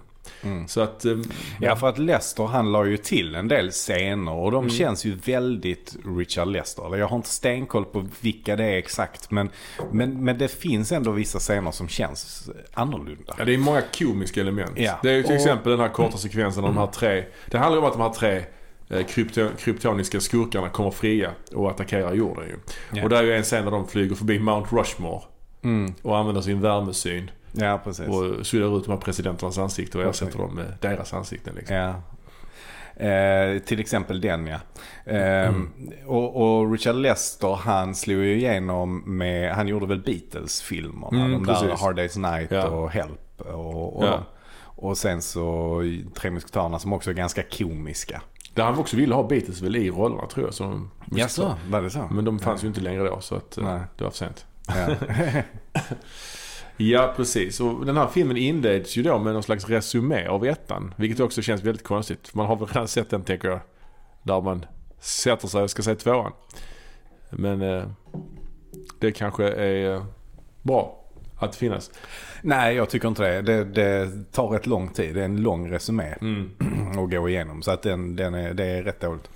Ja. Ehm, och sen det som, det som händer är en, en eh, scen som Les, det som filmen, alltså det som händer efter det är en scen som Lester har gjort.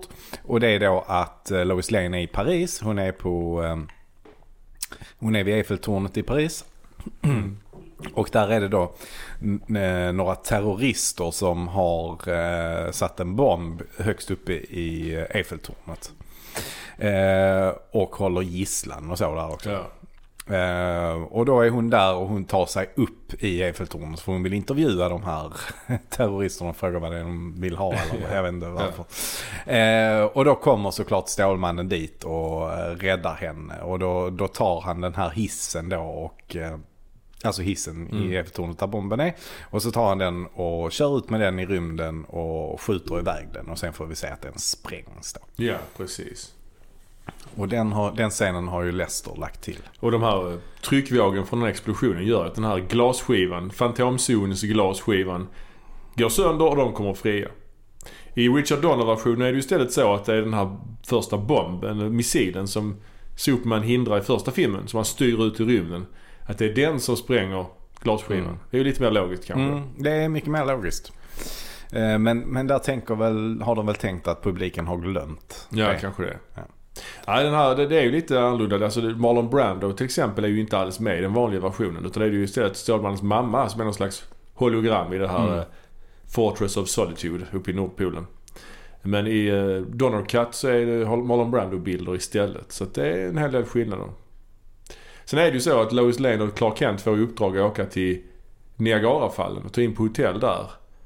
Ja, de ska reda ut. eh, De har fått för sig där att eh, de håller på med något fuffens hotellen. Alltså, är det inte? Ja, något sånt. Någon- Ja, så ska scam. de reda ut den här eh, Mm. bluffen som de håller på med. Så de, de låtsas att de är ett nygift par. Ja men precis. Och det de- känns också oerhört Richard Lester. Ja, de är om- någon slags riktigt tacky hotellsvit med rosa kuddar och rosa björnfäll och... Alltså Ja. det ser helt galet ut liksom. Det ser ut som en blandning av The Who's Tommy och... Eh, jag vet Ja. inte vad. Ja. Eh, Där är också en sån riktigt enerverande piccolo, heter det va? Alltså en sån Ja, ja. Eh, som bara står där och tuggar tuggummi och visar alla olika gadgets som finns i rummet. Man kan dra i ett snöre och så Tänds elden. tänds eld. Just det. Eh, så Eh. visar han det för Clark Kent då. Och då faller han ju... Han snubblar väl på den här björnfällen. Precis som grevinnan och Ja, typ. ja. Faller in i elden. Och så bränner han sig på handen och hon blir ju jätterolig. Men då visar det sig att han inte har några brännskador alls. Och då fattar Ja. hon att han är Stålmannen ju. Ja, ja. Men i Richard Donner Cut så är den här scenen inte med. Utan där har de istället, och detta är, har jag aldrig varit med om innan. Då har ju Richard Donner, han gillar ju inte den här scenen. Det var ju Richard Lesters scen. Hans scen som han ville ha, han de ju aldrig filma. Mm. Så han har istället tagit ett screentest. Alltså när de repeterade inför filmen. Jaha, är det med i Det är med i filmen. Ja, det är med i filmen. Det är jättekonstigt. För att, och det är två, filmat ur två vinklar kan man säga. En, en vid bild där de, de snackar. Lois Lane har kommit ut ur duschen med handduk. Clark Kent är där. Och hon är övertygad om att han är Stålmannen. Och han bara förnekar. Nej, det är klart inte jag. Varför skulle det vara jag? Och då tar hon fram en pistol Ja, och siktar mot honom och skjuter. Och då händer det ingenting. nej. Och då tänker han liksom, okej du fick mig. Och så Mm. tar han av sig glasögonen. Och då säger han, men tänk om det inte hade varit jag. Du hade skjutit ihjäl Clark Kent. Ja, men inte med lösa skott. Så hon lurar honom där. Ja. Men det är intressant att hon börjar öppna eld inne på ett hotell för det första. Att hon har med sig en pistol. ja, ja. Det, det, så det är lite out there. Men det som är extremt speciellt på den här scenen är ju som sagt att det är ett screentest. ja. Och att i de två olika vinklarna så byter Clark Kent glasögon. Och frisyr. Och typ kroppshydda. Så det är filmat vid två helt olika tillfällen. Så han har rätt så tjocka eh, svarta bågar på i ena vinkeln.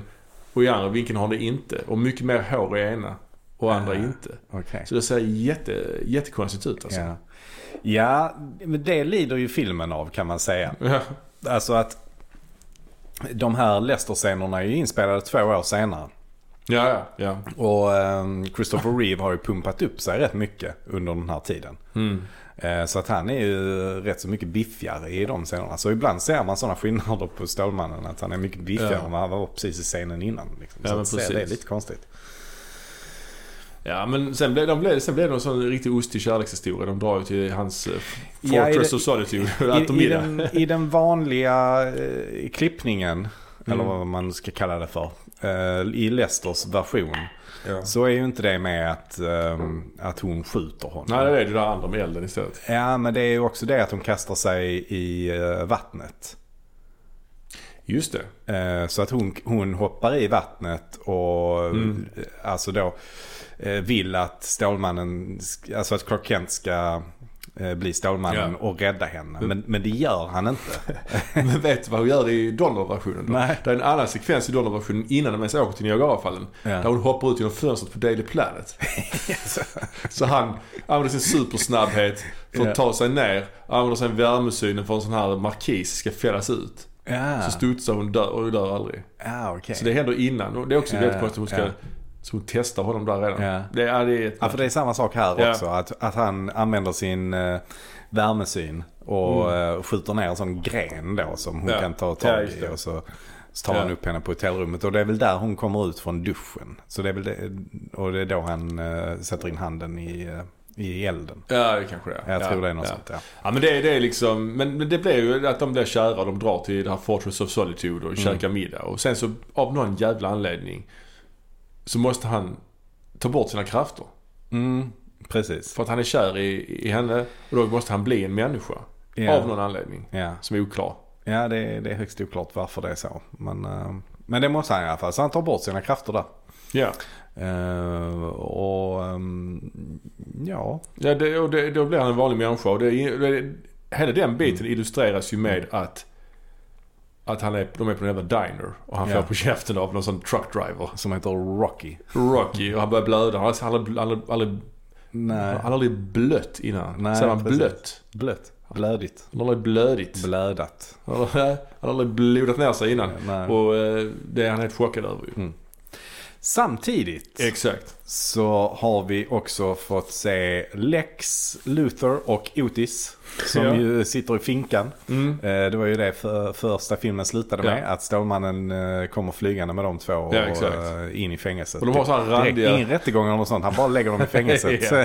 på, Ja, ja. på fängelsegården. Och så har han randiga fång- fångdräkter. Sådär och, och Lex Luthor han eh, har ingen peruk på sig. Han är helt skallig. Just det. Ehm, och i alla fall, eh, Lex flyr då från finkan. eh, men Otis tvingas vara kvar för han väger för mycket. För de har ju en väldigt eh, fin flygplan och det är ju då att Miss Tessmacher hon kommer i en luftballong. eh, och, eh, och så får de klättra upp i en sån repstege. Men, men den eh, klarar inte Otis tyngd så han får vara kvar där.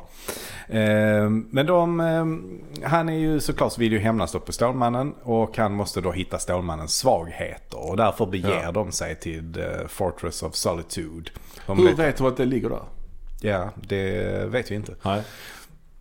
Men de beger sig dit i alla fall eh, och eh, Lex börjar då stoppa i de här kristallerna i Ja, de testar. här rören. Testar sig fram Ja. där så får han se en massa konstiga filmer från Ja. från krypton. Eh, ja, men... Ja. Och i, i Donald Cut så får han ju istället lite information om då General Zod och hans två medhjälpare. Mm. Att de finns liksom. Och samtidigt då så kommer de ju ner på jorden också och börjar ta över. ja. Och Vi börjar- får först se att de kommer till månen och där är det en månlandning som håller på. Ja, just det. Eh, och då, då får vi se hur, hur himla onda de är också.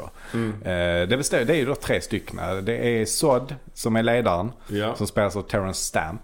Eh, sen så har vi då en som heter Non. Som, som är så väldigt storvuxen. Han Ja. ser rätt grov ut. Alltså, han påminner lite om han Jaws i Bondfilmerna. Verk, verkligen. Det är inte han. men- Nej, han ser ut som en neandertalare tycker jag. ja, verkligen. Alltså verkligen så kraftiga ögonbryn och hög panna. och så har vi Ursa. Ursa också. Som är en slags femme fatale. Mm. De tre. Hon är läskig tycker jag. Och det är någon slags månexpedition de attackerar och dödar astronauterna och eh, förstör rymd, Mm. la- månlandaren och allting. Ja. Och sen beger de sig till jorden. Och det, det, bygget, det studiobygget är inte så jäkla bra. Alltså. Nej, det är inte välgjort. Nej, den Det- här månlandaren ser ut att vara gjord av plast eller papier-maché. Ja, det hade någonting sånt. krävts bättre teknik. Alltså det är undermålig Ja. teknik på den här Ja. tiden. Så att för de effekterna som hade krävts för den här filmen, det, det Mm. lever inte upp till, till, Nej. till det alltså. Mitt minne av detta var mycket bättre. Ja, så är det ju. Sådana vissa filmer ska man liksom inte, helst inte se om. nej, nej. Ehm, men de, de kommer till jorden och de får då reda på att det finns någon som heter Stålmannen. Och Mm. de börjar förstå att det är Jor-Els son. Så de vill ju hämnas på honom. De vill att Ja. han ska komma och kneel before Zod. Mm. Och Lex Luthor är också med i allt detta och vill samarbeta med dem. Alltså Lex Luthors roll känns jävligt mycket som en afterthought i den här filmen. Ja, Han är väldigt meningslös alltså. Mm. Men, men det han då kan erbjuda dem det är att han vet ju var Stålmannen bor någonstans. Och det Ja. är ju sort of Hur han nu vet det. Ja, precis. Det fick vi aldrig riktigt reda på. Nej. Men, men han, eh, det är det, det är det som är hans eh, S i rockarmen. Så han hjälper dem Ja. då.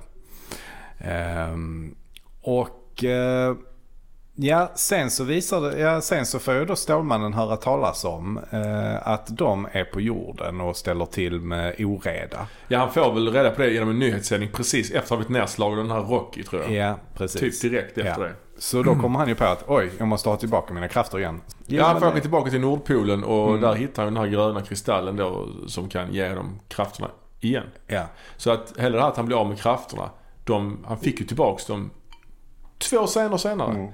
Så att man hinner liksom inte utveckla det, eller det händelseförloppet att han inte har krafter utan det, det går ju väldigt fort ju. det går väldigt fort. Och sen eh, återvänder... Alltså jag, jag inbillar mig nästan att det, det är bara är till för att visa att den här elaka Rocky i dinern, att han är taskig mot Clark Kent. Ja. För det verkar vara någonting som Richard Lester tycker är väldigt viktigt att lägga in i sina filmer. Mm. Det är med Alltså- båda alltså- versionerna i och för sig, men ja. Vad sa du? Det är i och för sig med i båda versionerna. Ja okej, det är med båda. Ja. Ja. Ja, Mm, Men i alla fall, det finns ju även i trean en liknande scen kan Ja, man okej. säga. Mm. Där, där då vi har en sån här, en vanlig person som är taskig mot Clark Kent som försöker vara en översittare och sen så eh, går det inte så bra för honom. Nej men precis. Ja och, sen utbrö- och sen så står man och återvänder till Metropolis och, eh, för dem, eh, och börjar slåss med de här tre. Mm. Och det blir ju en fight. Och det här är en sak som jag tänkte på även i första filmen. Och framförallt i den här andra filmen. Det är ju det här med Metropolis. Mm. Metropolis är ju som du vet, det är ju en fiktiv stad. Som Ja. DC Comics har ju ofta det. De har ju Gotham City Mm. för Batman och Metropolis för Superman och lite Mm. andra. Så Star City och allt vad fan det heter. Vad är Star City? Eh, Jag tror det är kanske The Flash. Ah, okej. Kanske? Jag kommer inte ihåg. Ja. Eh, Det finns Keystone City också. Det Jaha. kanske är The Flash. Vad är det då? Ja, det nej, jag vet fan. Men Men, men det är, fall, uppenbart, det är uppenbart att det i alla fall är inspelat i New York. är det det i tvåan också? För i, Oh, ja. i trean och fyran är det ju totalt. Där är ju Ja, Frihetsgudinnan. Ja men det är med i tvåan också ju. Det Alltså det? man ser ju, för det första i alla, fly, i alla flygbilderna Ja. så ser man World Trade Center. ja. Och det fanns ja. ju på den här tiden och det var ju rätt. De var ju de högsta byggnaderna i i Mm. New York. Så de är ju väldigt tydliga. Mm. Visst, de kan man missa om man inte tittar noggrant. Men Frihetsgudinnan då? Den Mm. är ju verkligen med. Redan i den här andra filmen är den Ah, med okej, väldigt det tydligt. Ja, ja. Och det är ingenting Ja. som säger att de flyger från Metropolis till New York. Jag vet inte var Metropolis ligger egentligen i förhållande till New York. Jag vet inte hur de har tänkt där riktigt. Men Finns New York i DC-universumet då? eh, jag vet inte. Jag har alltid inbillat mig att Gotham City är liksom deras New York och Metropolis är deras LA. Men jag vet inte, jag kan ha fel där. Men Ja, Men Chicago har jag hört. ja, okej. Men hur som helst. Att något av, alltså att jag tror jag har hört att Gotham City ska vara Chicago och okej. eh, Metropolis New York. Ja, okej. Men jag är osäker. Ja, alltså, oav, oavsett så är det inte, finns inte Frihetsgudinnan i Metropolis. nej, det så det är ju väldigt göra. slarvigt. Då har man ju inte liksom läst på. Eh, Nej, när man precis. gör en sån film. Men jag tänker lite att det inte var så, det var inte, sådana saker var inte lika viktiga på den tiden. Nej. Det var inte lika, det fanns liksom ingen fandom kring Stålmannen på samma sätt som det gör nu. Där man verkligen kanske försöker reda ut, ja men eh, Gotham City, det bor si och så många invånare i Gotham City. Nej, och, nej. Ja, det är som man ser den här danska serien, dansk-svenska serien Bron. Ja, jag har aldrig sett den dock. Ja, jag har sett för mycket av det. Mm. Det är inspelat både i Malmö och Köpenhamn ju. Men man vet ju aldrig var de är. För vissa scener som ska vara i Köpenhamn är inspelade i Malmö. Ja. Och vice versa typ. Så att ja, de spelar ju in grejer vid min gata som skulle vara i Köpenhamn. Ja. Och då glider jag, då glider jag ur fiktion. De spelade in på en vårdcentral också som låg mitt emot där jag bodde. Ja, det ska polishuset. Det var polishuset. Ja. det. Det kan jag ju köpa på ett sätt. Då är det i alla fall i Sverige åtminstone. Skitsamma. Eh, men, eh, ja de slåss lite där och eh, de tar Lois Lane. De åker med henne och Lex Luthor till The Fortress of Solitude. Ja, just det. Ja. Och eh, där blir det en ny fight kan man säga. Eh, som jag tycker är rätt cool faktiskt. För Stålmannen eh, multiplicerar sig själv. Detta är ju inte med i Donnercut Det är alls. inte med i Donnercut. Det har jag glömt Ah, bort. okej. Det har jag glömt bort. Just det. Ja, Det där, den, han, det där han kastar sitt emblem också. Det blir en tecknad grej va? ja, exakt. Det, det är två grejer där som händer. Den, den första som är en ny kraft som kommer fram. Mm. Det är ju då det här att han att han multiplicerar, eller han gör någon slags, eh, vad heter det, han projicerar Ja, som hologram. hologram av sig själv. ja. Eh, på, på massa olika, så att han, han är på många olika, men det finns ju bara en som är den riktiga, det andra är Mm. hologram. Eh, Ja. Så att de slår typ och så visar det sig att det bara är ett hologram. Ja, så han är på flera ställen samtidigt. Det är dels den grejen och jag tycker det är ganska eh, coolt Mm. faktiskt. Sen är det en annan grej också och det är att han tar av emblemet, antingen det han har på manteln eller det han har på bröstet. Det kanske är det på bröstet. Jag tror det. Ja. Och så kastar han det på någon, alltså den här storvuxna av dem. Mm. Och så blir det som någon slags, jag vet inte, det ut som folie. Det är väl inte speciellt coolt, är det inte? den är inte cool alls. Nej, Nej, den kraften är riktigt töntig Ja, faktiskt. ja. Eh, att han kan kasta det och att det blir som en slags foliepapper som slår in eh, någon. Men, Mm. men, men det andra att han multiplicerar sig och gör hologram av sig själv är, är cool tycker jag. Ja. Faktiskt. Eh, Men i alla fall, då, då visar de då att de har Lois Lane och eh, då tvingar de då honom att eh, gå in i den här boxen som gör Ja. att hans krafter försvinner. Precis. Eh, och det är Lex Luthor som vet om att han kan göra det. Så det är, det är han som har berättat det för dem. Ja. Och då har han ju då... Visat sig att han istället har vänt på det. Ja, Så så, att alla som är utanför blir Ja. av med sina krafter. Och de Ja. är utanför ju. Så han, hans krafter blir intakta. Ja. Och då slår han ner dem och slänger ner dem Mm. i, i en ravin kan man säga. Ja. Och allting är frid och fröjd. Och sen är det ju då två olika slut i den här filmen. För jag vet, Lois Lane vet ju att Clark är Superman. Mm. Men i, i den ena versionen så kysser han henne och då glömmer hon det. Mm. Typ. Det är den versionen jag har sett. Ja. I den här versionen, Richard Donner Cut, så är det istället, gör, gör istället precis som man gör i ettan. Han flyger runt jorden och vri- Ja, slänger det tillbaka. kommer igen där Ja. alltså. Aha. Så är en sekvens där jag tror det är han Perry White ska stå och borsta tänderna. Ja. Så när han klämmer på tandkrämstuben så åker tandkrämen in i tuben igen. Ah. Och så får man se allting Ja. som har hänt i filmen att det bara spolas baklänges typ. Och det slutar, hela den glasskivan med de tre, Ja. den blir hel igen. Och de åker vi- vidare i rymden. Så ingenting i filmen har i stort sett hänt. Ah, shit. Det är ju rätt meningslöst ju. Ja, att få ett sånt slut ju. Ja, verkligen. Och sen, Då är det ju, även om det här att han kysser henne och att hon glömmer bort allting. Ja, Det är ju ytterligare en ny kraft som kommer Ja, fram. det är random. Att han kan få folk att liksom Ja, glömma saker. Eh, alltså även om det inte är bra så är det ju mycket, mycket bättre Ja. än att han bara snurrar tillbaka och att ingenting har hänt. ja det är riktigt kast alltså. Ja, ja. Ja, den här filmen är riktigt svag och återigen, den här lider ju ännu mer än första filmen av just bristen på välgjorda effekter. Att tidens teknik hade inte hunnit ikapp de, Mm. de krav som ställs på att göra sådana här effekter. Eh, så Mm. att eh, det, det, och de här, eh, jag tycker General Zod, han har väl ett par roliga repliker liksom. Men i övrigt är de rätt tunna de här eh, skurkarna Ja, tycker jag. Men man mindes dem som barn som att de var riktigt ondskefulla. Jo, jag vet. Det- Men man minns ju, men- man har ju lite annan syn då. Ja. Plus Lex Luthers roll i den här filmen är ju rätt så överflödig alltså. Ja, ja, absolut. En annan sak som jag inte riktigt köper, eller vad man ska säga, det Mm. är att eh, alltså Clarks klantighet tar ju nya höjder i den här filmen. Mm. Och på något sätt så blir det ju lite fel. Där är till exempel en scen rätt så tidigt i filmen. Mm. Eh, där han är i Metropolis och han ska gå över gatan. Han ropar på Lois Lane och så bara går han rätt ut i gatan och så kommer en taxibil och kör in i hans ben. Mm. Och kofångaren den går ju helt sönder för att han är ju Stålmannen. Men Ja. han är ju Clark Kent. Och man får ju ändå tänka sig att när han är Clark Kent så spelar han ju klantig. Han är inte klantig på riktigt. Nej exakt, det är ju det som är Utan hans... han spelar ju klantig. Ja det är ju Clark Kent som är den falska identiteten ju. Exakt. Ja. Så att om han nu var, alltså Superman skulle ju inte tillåta detta för det här kan ju avslöja Ja, att Clark exakt. Kent är Det Stålmannen. kan röja hans identitet. Exakt, Ja. det kan det ju göra ju. Ja. Så därför så förstår jag inte riktigt hur detta går ihop. Att han låter taxibilen köra på honom. ja det är onödigt att, att spela töntig när ingen annan ser så att säga. Ja, exakt. det är väldigt Exakt. onödigt. Ja. Eh, Så att det måste ju på något sätt betyda att när han är Clark Kent så blir han klantig och töntig. Mm. alltså, Ja. alltså, ja. Nej, jag vet inte, det, det är lite konstigt. Sen är han ju också oerhört naiv och lättlurad alltså. Mm. Som Stålmannen. Alltså han går ju Ja. på, i, till exempel i ettan, att han, det är ju ganska lätt att lura honom ju. Mm. Det är det ju. Alltså för där, där är det ju så att han, han kan inte se igenom bly och då vet Lex Luthor om det, det, och så det. gömmer han ju kryptoniten i, i en blylåda. Ja. Och så öppnar Stålmannen den och så Ja. ja. Blir han utsatt för kryptoniten. Ja, Han hämnas för övrigt på den här Rocky också ju. ja På den här dinern. ja. Och det är intressant att han gör det även i Richard Donner Cut. Mm. Eftersom där har jag ändå spolat tillbaks tiden så det har ju inte hänt egentligen.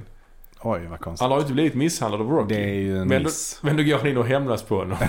så han går in där och slår ner honom. lära honom en läxa. Ja. Ja. ja, det är, det är, det är svagt. Jag tycker den här filmen är... Men slår han ner honom? Nej, men han slänger iväg ut honom. Han slänger in mot flipperspel.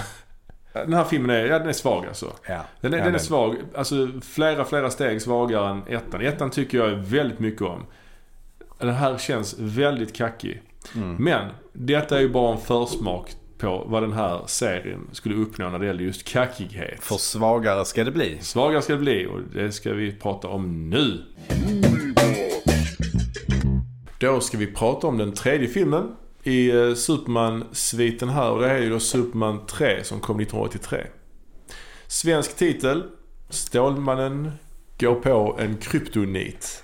Ja, precis. Det, det, det, det, det är faktiskt det sjukaste. Ja, och det är då skrivet med krypto-nit. Så att Ja. eh, det liksom är dubbel, dubbel mening där. Kryptonit och en kryptonit.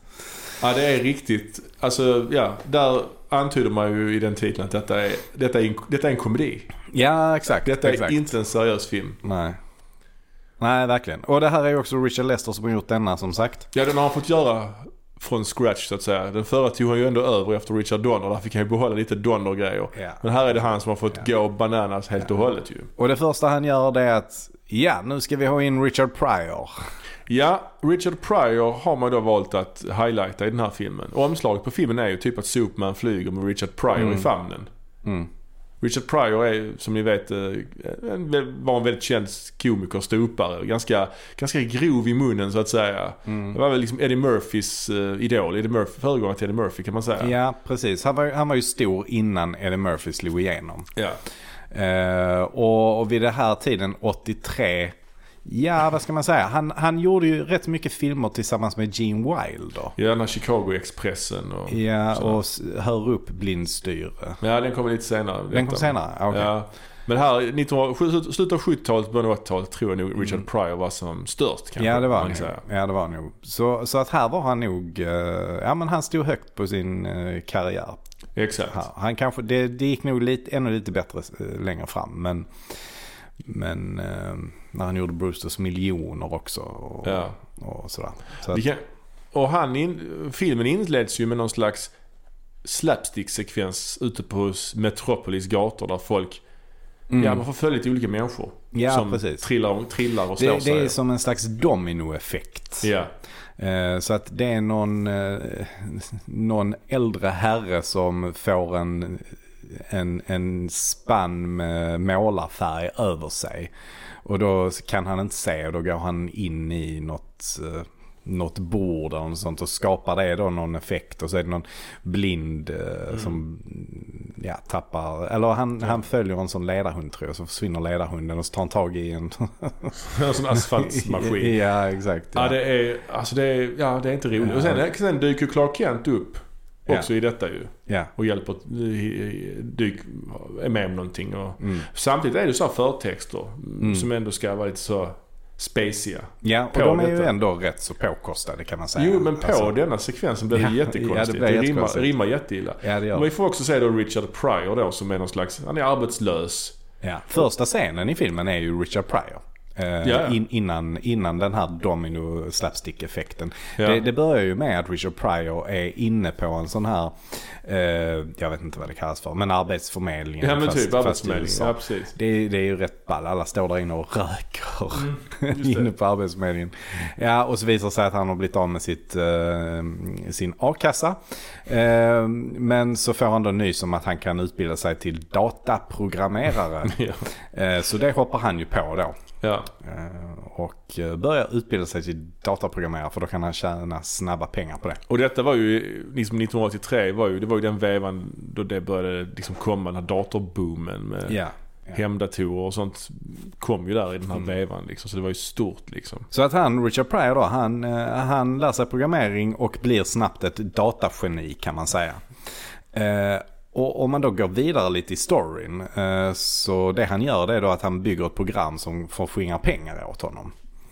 Eh, För han får jobb då som dataprogrammerare och på det här jobbet så tar han då alla, alla udda så att säga överföringar. Alltså så han tar typ 50 cent från varje överföring eller något i den stilen. Eh, eller det är inte ens det, det är en halv cent tror jag. För att när det är en halv cent så säger de att då avrundar de neråt och då tar han, tar han det som blir över på något sätt. Och så blir det insatt på hans konto och så blir han stormrik över, eh, över natt. Men ägaren till det här stora företaget kommer på honom. Han spelas av Robert Vaughn. Just det. Och eh, Robert Vaughn då, det är ju, ja men han är känd för, eh, vad heter han, Shield? Agents of Shield? Nej, det är någonting annat. Ja. vad snackar jag om? Mannen från Uncle menar jag. Just det, just det. Ja, där, där vi han. Ja, precis. Mannen från Uncle var- är väl det han är Ja. mest känd för. Så att han är ju den eh, stora skurken i den här filmen. Ja, istället för Lex Luthor då, för Gene Hackman ville ju inte vara med. Nej, precis. Men det känns ju som att den här filmen är en Richard Pryor-film mer än en Superman-film lite grann ju, tycker jag. Absolut, just att första scenen är på Richard Pryor tyder ju på det. Ja. Ja, och sen samtidigt så har vi en parallell story då med Clark Kent. Och Som då går ut på att han ska åka tillbaka till Smallville och gå på sin high school reunion. Ja, just det. Och det som också är intressant då det är att vi får se lite grann eh, Lois Lane här precis i början när de är på eh, redaktionen och hon Ja. ska åka på semester Ja. till Bermuda eller vad det är. Mm. Någonting sånt. Ehm, och sen efter det så försvinner hon. Mm. Eh, så att hon är med i fem minuter i början. Mm. Eh, och är inte med någonting alls mer i filmen förrän precis i slutet när hon kommer tillbaka från sin semester. Det. Så det är också lite, lite märkligt att, eh, Mm. att, man gör, att man gör så. Eh, och, och, ja, det finns väl lite olika teorier där om eh, varför det var så. Alltså Gene Hackman säger de ju att han på något sätt valde sida. Han tyckte att producenterna behandlade Richard Donner dåligt Ja. och eh, ville därför inte vara med i trean. Eh, och samma sak har det ju sagts om Lois Lane att hon var ganska, hon uttalade sig i media om att de hade skött eh, dåligt. Att de sparkade Richard Donner och då var, ville väl Salkins eh, hämnas lite på henne. Ja. Men det, det erkänner de ju inte själva att det var så. så. Det kan ju bero på andra saker också. Hon har ju haft en lite jobbig period, eh, Margot Kidder. Margot Kidder. Det, Ja, det får man i alla fall anta. Det har ju Mm. skrivits en del om att hon har haft problem med droger och um, och andra psykiska problem. andra och så. psykiska Mm. problem också. Eh, det är sånt som också kan ha påverkat att hon inte är med så mycket. Nej, precis. Eh, men hur som haver, han träffar ju Lana Lang där istället, sin ungdomskärlek. Som är med lite, lite grann i första filmen också ju. Är hon det? Ja, där de spelar amerikansk hon- fotboll. Hon, är ung. Väldigt lite, Mm, ja. mm, mm. Eh, så det, inled, ja, det blir en liten intrig där kring dem. Ja, hennes- precis. Lite romans Ja. kan man säga. Och Hon har ju också en son Just det. från ett eh, tidigare äktenskap och Mm. pappan är frånvarande. Men det har inte så mycket med saken att göra. Men sonen, Mm. det är ju lite kul. Det är ju sonen då, äh, det är ju han som spelar den unge Stålmannen i första filmen. Som lyfter bilen precis när han eh, Jaha. kraschar på jorden. Ja. Så, är det det? Ja det är det. Ja, det är Så, ju trevligt. det, det är ju rätt kul. Så att då, då är han ju en fem år äldre här i, Ja, ja, i denna scenen och får vara med i ytterligare en Stålmannen. ja. Ja, det är kul ändå. Mm. Ja men det är lite, Men om vi hoppar tillbaka till Webster då. Som, Webster, eh, ja, Robert Vaughns karaktär. Robert Vaughns Ja. karaktär. Han, han eh, har ju då ett slags gäng då som består av hans syster. och sen har han också en synsk kostrådgivare. Just det. Psychic nutritionist. Just det. Eh, och, och de har ju någon plan där. Att han, är, han är lite sur då på landet Colombia. Ja. Det- eh, Så att han vill hämnas på Colombia för att eh, de, eh, de har haft några affärer som inte har gått i lås. Och då, Ja. då vill han hämnas på dem. Så han vill förstöra hela Colombias kaffeskörd. Ja. Och hans plan för att göra detta det är att ta över en väderstation eller en vädersatellit. Ja. Som ska påverka vädret på något sätt. Men då måste han ju programmera om den här. Och det är det han ska ha Richard Pryor till. Men jag fattar inte det. Vadå? Förändra vädret? Ja, han ska liksom skapa oväder. Det kan man ju inte göra. Eller ja, klart, jag fattar att det är Stålmannen-film, men... Jo, men man kan göra det. Vet du vad hans förklaring är? Nej. You need to push the buttons eller något sånt säger han. Ja, okej. Alltså, nej, men det, det är det som är ett stort problem med den här filmen. Att liksom de, de tar då det här, alltså dataprogrammeringen som Richard Pryor gör. Och så bara låtsas de att man kan göra allt möjligt med datorer. magi. Ja, som magi. Ja. Exakt. Alltså, det känns bara helt bisarrt. Alltså, Ja, verkligen. eh, så att han går en sån kurs och efter några dagar så är han ett datageni. Ja, datakörkort. Sen ja, kan göra, precis. Och då kan han göra vädret. exakt vad som helst. Han kan, han kan hacka vädersatelliter och han kan omprogrammera dem och göra så att de kan påverka vädret. Alltså det är, det är jättekonstigt. Och det kommer ännu mer konstiga saker som han kan Ja. göra med sina Ja, dataskills. det gör du. Ehm, och, och, det, och det är ju då att eh, han ska ju då tillverka kryptonit. Ja. För att det är ju ganska känt vid det här laget vad Stålmannen är för en, vad han har för krafter och vad han har Mm. för svagheter. Liksom. Så, att, så att Robert Vaughn vet ju om att han är ehm, svag när han blir svag av eh, kryptonit. Ja. För att det är ju så att han, Richard Pryor programmerar om den här uh, vädersatelliten och det kommer en massa olika skyfall här och där. Och, eh, men då kommer ju Stålmannen och hindrar dem. Så då kommer Robert Vaughn på att ja, men då får vi göra den här kryptoniten då. Eh, men då är ju problemet då va, att eh, Richard Pryor han... alltså det är ju inte riktigt känt vad kryptonit är. Det är ju som finns på jorden. Så Nej. att, så att när han då slår fram det i sin dator så står det så. In, den sista ingrediensen i kryptonit är okänd. Just det. Unknown. Så han ersätter det med typ något annat tjära eller något sånt va? Exakt. Han är ju storrökare. Just det, så han tar från ciggpaketet. Han kollar på sitt ciggpaket och så står det kära där på det. Och då bara skriver han in kära. Det är väldigt mycket cigaretter i den här filmen. Ja det är det. Det är, det är oerhört mycket, mycket cigaretter. Det är Alltså, helt intressant. ehm, precis, men det är, ju cigaret, det är ju ganska mycket cigaretter i uh, tvåan också. Ja, Lois. Lane är ju en storrökare. Ja, Så, så, ehm, mm. och, och, och sen är det ju också rätt mycket eh, produktplacering också. ja mycket Marlboro och sånt. I alla filmerna, ja precis. I, i, jag vet inte om det är ettan och tvåan så är det ju Marlboro. Mm. Eh, här i, är det Camel som Richard Pryor röker. Ja. Sen är det ju både Coca-Cola och Pepsi. Alltså det är ju rätt... eh, det är ju inte så himla snyggt när Stålmannen så åker rätt in i en sån Coca-Cola-skylt. Alltså det är fult. Men även den här kryptoniten de framställer då, det blir ju inte riktigt samma grej. Men Nej. han ska då överlämna den till Stålmannen och det får ju, Stålmannen får motta den på någon slags ceremoni. Ja, i slags- Smallville är ju, Ja. är ju Stålmannen då så han ska få eh, Richard en- Pryor klär ut sig till eh, någon slags militär va? Ja, precis. Ja. Så att han kommer där i en sån jeep tillsammans med systern då till Robert Vaughn. Ja. Eh, och så står han där och håller något slags tal om plast. Varför plast är så himla bra och att eh, vi behöver investera mer i plast. Det har ingenting med saken att göra men han, han, han har det talet. Och där har jag hört att det var, eh, han ska på något sätt likna general, general Patton Ja, där ja. i det. Det är någon slags parodi där. Ja, och det fattar jag heller inte varför det, vad har det med saken att göra Nej. liksom. ja, det är så dåligt. Det är märkligt. Eh, men då får Stålmannen motta en sån här fin kristall... Eh, staty av något Ja. slag då. Och den är ju grön. Men Stålmannen misstänker liksom inte att det är kryptonit. Nej, men däremot så Fast det ser likadant ut. Ja, men Richard Pryor han blev lite besviken för ingenting händer ju. Ja. Han tror att Stålmannen ska dö av det, men det händer ju ingenting. Nej. Nej. Men, sen efter ett tag så börjar det få effekt. Ja. Och Stålmannen börjar bete sig ondskefullt. Ja. Han slutar raka sig, han får skäggstubb. Alltså direkt blir det lite mörkare i nyansen. Den blir brun. Brun ja.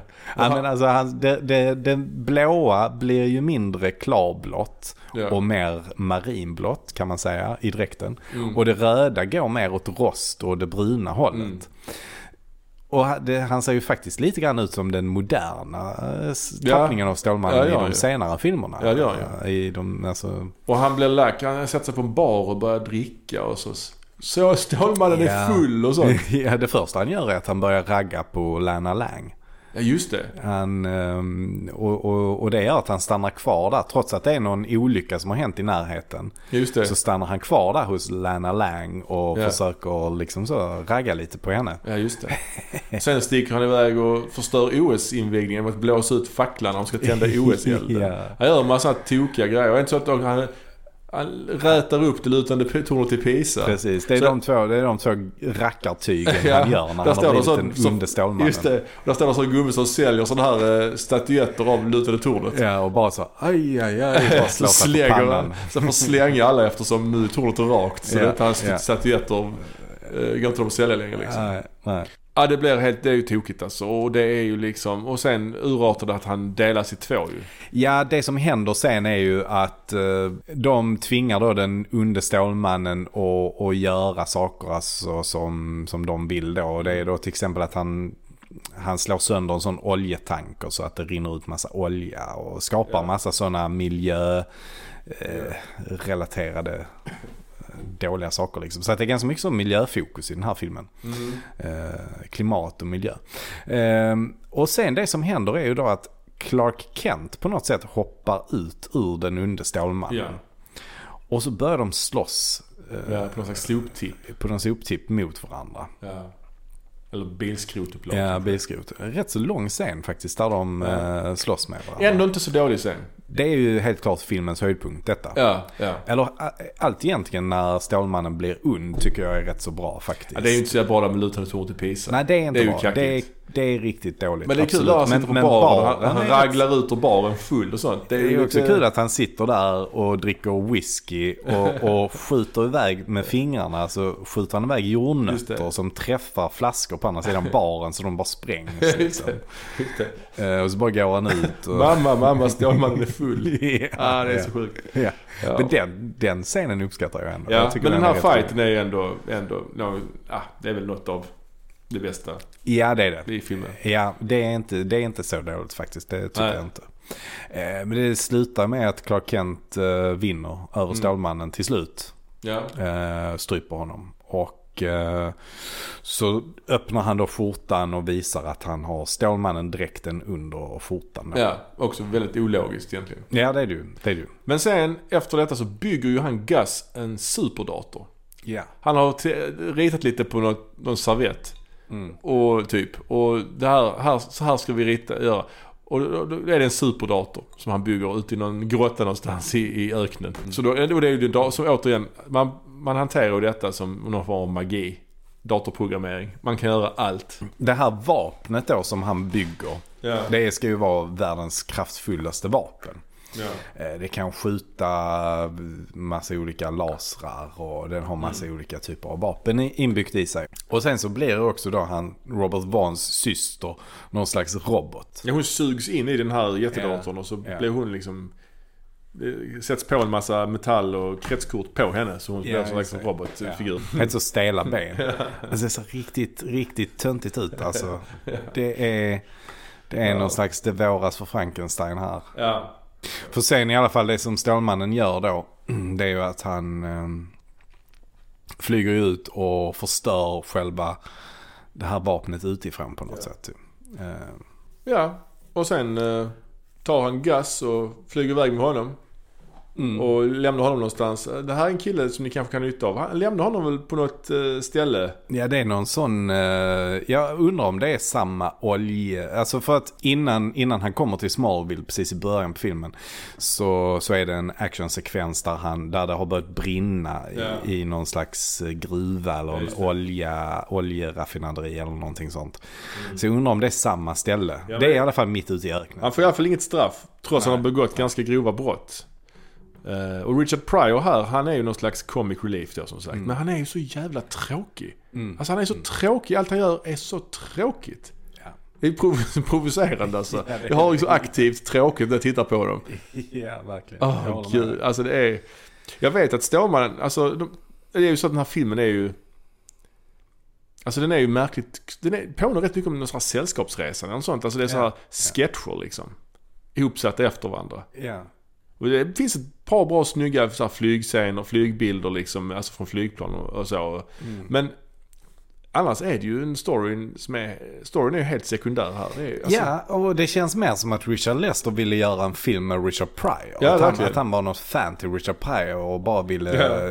göra någonting med honom, vad som helst. Och så fick Ja. Stålmannen 3 bli hans alibi för det. ja. Så de pissar ju bort hela franchisen här. Ja, det gör de. Det Här gör de det till en komedi-franchise. Ja. Alltså de verkligen övergår till det full, full on och Mm. låter Stålmannen spela någon slags andrahands story liksom. Mm. Och visst Stålmannen har inte så jävla... Alltså han är ju väldigt mäktig, det är ett problem med Superman ju. Och han har inte så roliga fiender. Men det finns ju några man hade kunnat använda sig av. Mm. Man hade till exempel kunnat ta, till exempel den här dubbelgångaren då som de har lite antyds, antyds i filmen. Den här Bizarro finns ju en som heter som en Mm. slags anti-Stålmannen. Man kunde gjort någonting med honom liksom. Till Mm. exempel. På ganska, med ganska enkla medel. Ja, Det är ju ja. ganska enkelt att göra en Stålmannen-film som är underhållande. Det är bara att ta en skurk och låta honom fightas mot honom. Ja, absolut. Nej, jag Ja. förstår inte det alltså, verkligen. Nej, nej den, här, eh, den här är ju inte bra ju. Den här filmen. Ehm, Nej, det är det inte. Sen så varför den kom till det är väl också lite oklart. För att eh, jag tror det var någonting att producenterna såg Richard Pryor på Carson Show eller någonting sånt. Där han eh, pratade om Stålmannen och att han gjorde någon eh, i sketch kring det. Och att det var därför de, ja. Så att jag vet inte om det var Lester eller om det var producenterna som ville göra detta. Men det är ju jättestor skillnad på tonaliteten, helt klart. Den här är ju, de andra filmerna har ju också komiska element. I alla fall tvåan har ju en hel del. eh, Men, men den här skiljer sig väldigt mycket. Ja, men ettan har ju också lite där, alltså på redaktionen. Men då är det ju mer Mm. dialogdriven humor. Och Ja, rap, ja. liksom humor. Här är det ju liksom folk som slår i huvudet och drattar på Mm. ändan och sånt. Mm. Nej, men jag tänker på de scenerna i tvåan som Lester har gjort. Det är ju lite så. Ja. Alltså till exempel då när de är på i um, sviten i Niagarafallen. Ja. ja. Det finns vissa likheter men, men det skiljer sig ändå. Det är mycket, mycket mer här. Nej, så detta var ju... Man trodde ju inte de kunde sjunka lägre. Eller ja. Nästa film Ja. eh, var ju heller ingen höjdare. To say the least ja, exakt. Ja, men alla var väl vid det här laget rätt så trötta på Stålmannen efter fiaskot med trean. Så att det var ju inte självklart att det skulle komma en fyra. Men det gjorde det. 1987, Ja, fyra år senare, så kom då Superman 4, The Quest for Peace. ja. Eller Stålmannen i kamp för freden Mm, just det. Ja. Just det. Och den här var ju då producerad av det ökända bolaget Canon Films. Ja, exakt. Som vi har pratat om tidigare i den här podden. Menahem Golan och Joram Globus. Mm. Två israeliska kusiner som gjorde actionfilm. Bland annat, eh, ja... Cobra. Cobra, lite Chuck Norris-filmer. Mm. Sådana goa grejer. Mm. En sak som är intressant här Mm. är att det står faktiskt inte Canon-film på eh, i titelsekvenserna. Ja, okej. Det står ehm, Globus, vad heter han? Golan Globus. Go, Golan Globus film står det. Ja, okej. Och det beror väl på att Canon-film gick i konkurs vid det här läget. De kanske redan var i konkurs faktiskt när den släpptes. Så att, Ja. För att eh, den här, den här filmen led ju väldigt mycket av det här. Att de hade fått en väldigt hög budget Mm. till den.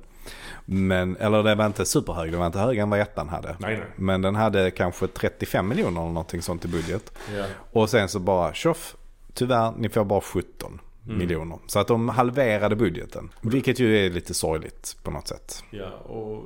För att det här var ju verkligen Christopher Reeves ehm, lite egna projekt kan man säga. Ja, för han sa, han gick ju bara med på att göra filmen om han fick komma på vad den skulle handla om. ja. Och han var ju väldigt engagerad, eller fick man säga, men han, han ville göra en film som var liksom fredspropaganda. Mm. Så det var, detta var under kalla kriget, så den här filmen skulle då handla om nedrustning. Mm. Och detta är väl typ den första filmen i serien där Christopher Reeve, Stålmannen själv så att säga, är huvudperson. Eller vad ska man alltså förstå vad jag menar? Marlon Brando tog all uppmärksamhet i, i och Mm. Gene Hackman tog Mm. uppmärksamheten och stod överst på rollistan i, i de två första och i den tredje filmen fick Richard Pryor all uppmärksamhet. Mm. Men nu var det Christopher Reeves tur. Och eh, ja, Ja, precis. Ehm, nej men så är det. Och han har ju då cred för eh, story kanske. Han Kanske. har inte, inte manus cred men eh, han sa story by Christopher Reeve och två namn till då.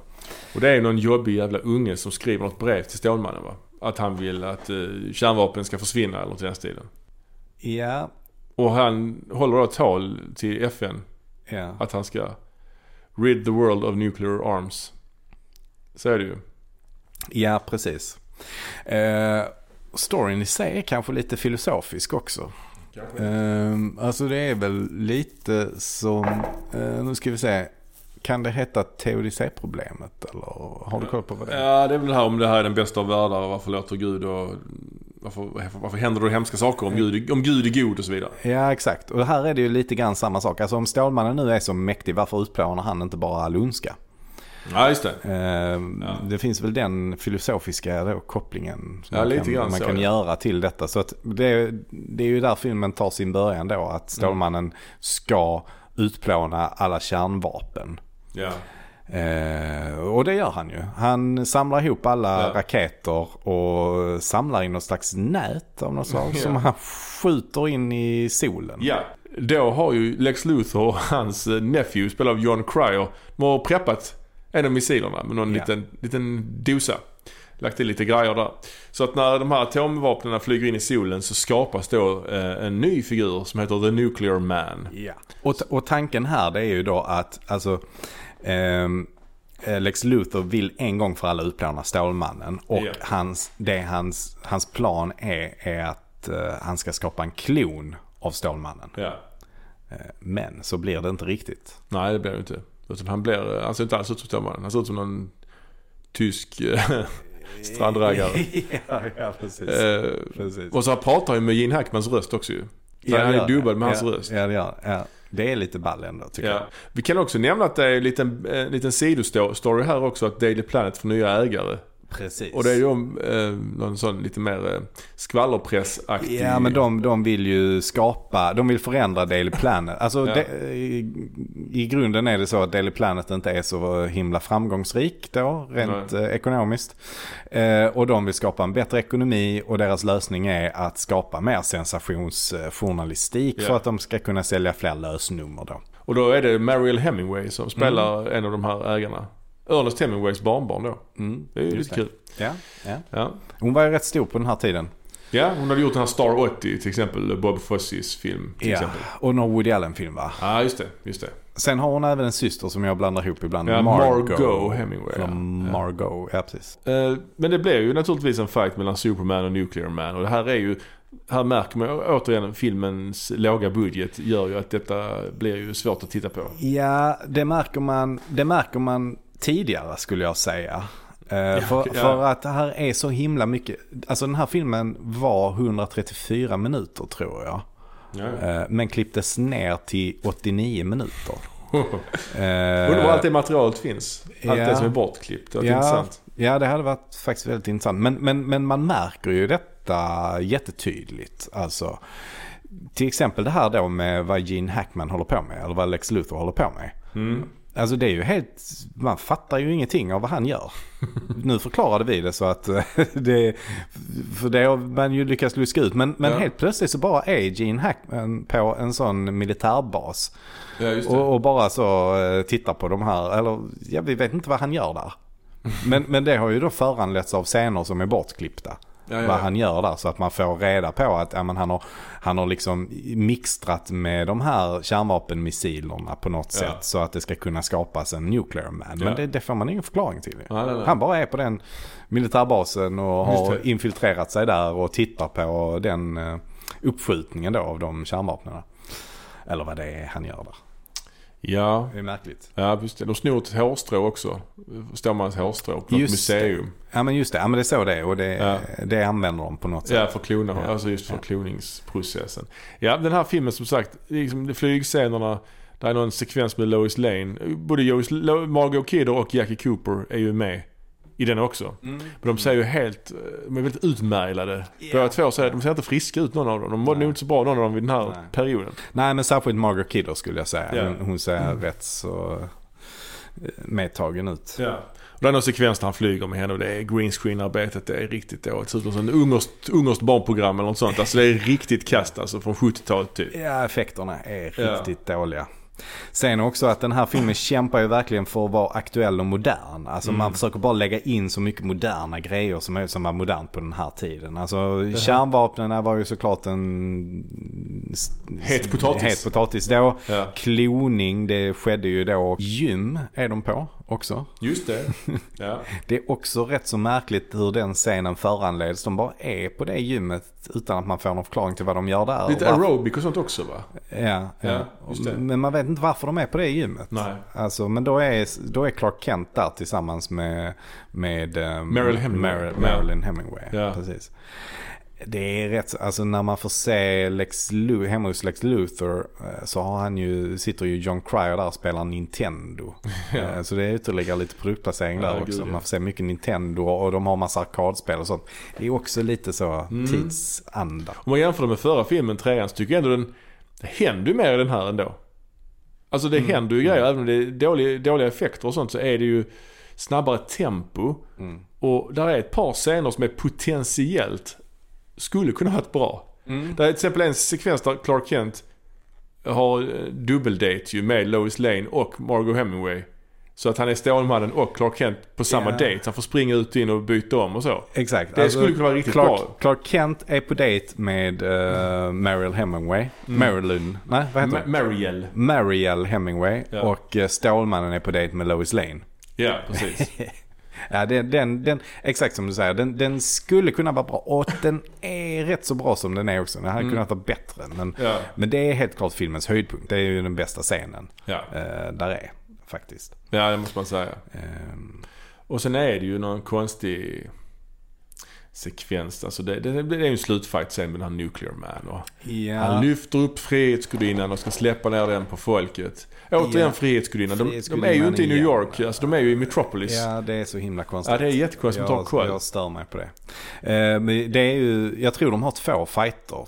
Eh, Mm. Och den, den, det är den första fighten där det händer med Frihetsgudinnan tror jag. Mm. Och då slutar den med att Stålmannen blir riven. För han Ja, Nuclear lång- Man har sådana långa naglar. Guldnaglar. Ja, Ja. Och så blir Stålmannen riven Ja. på armen eller något sånt av de naglarna. ja.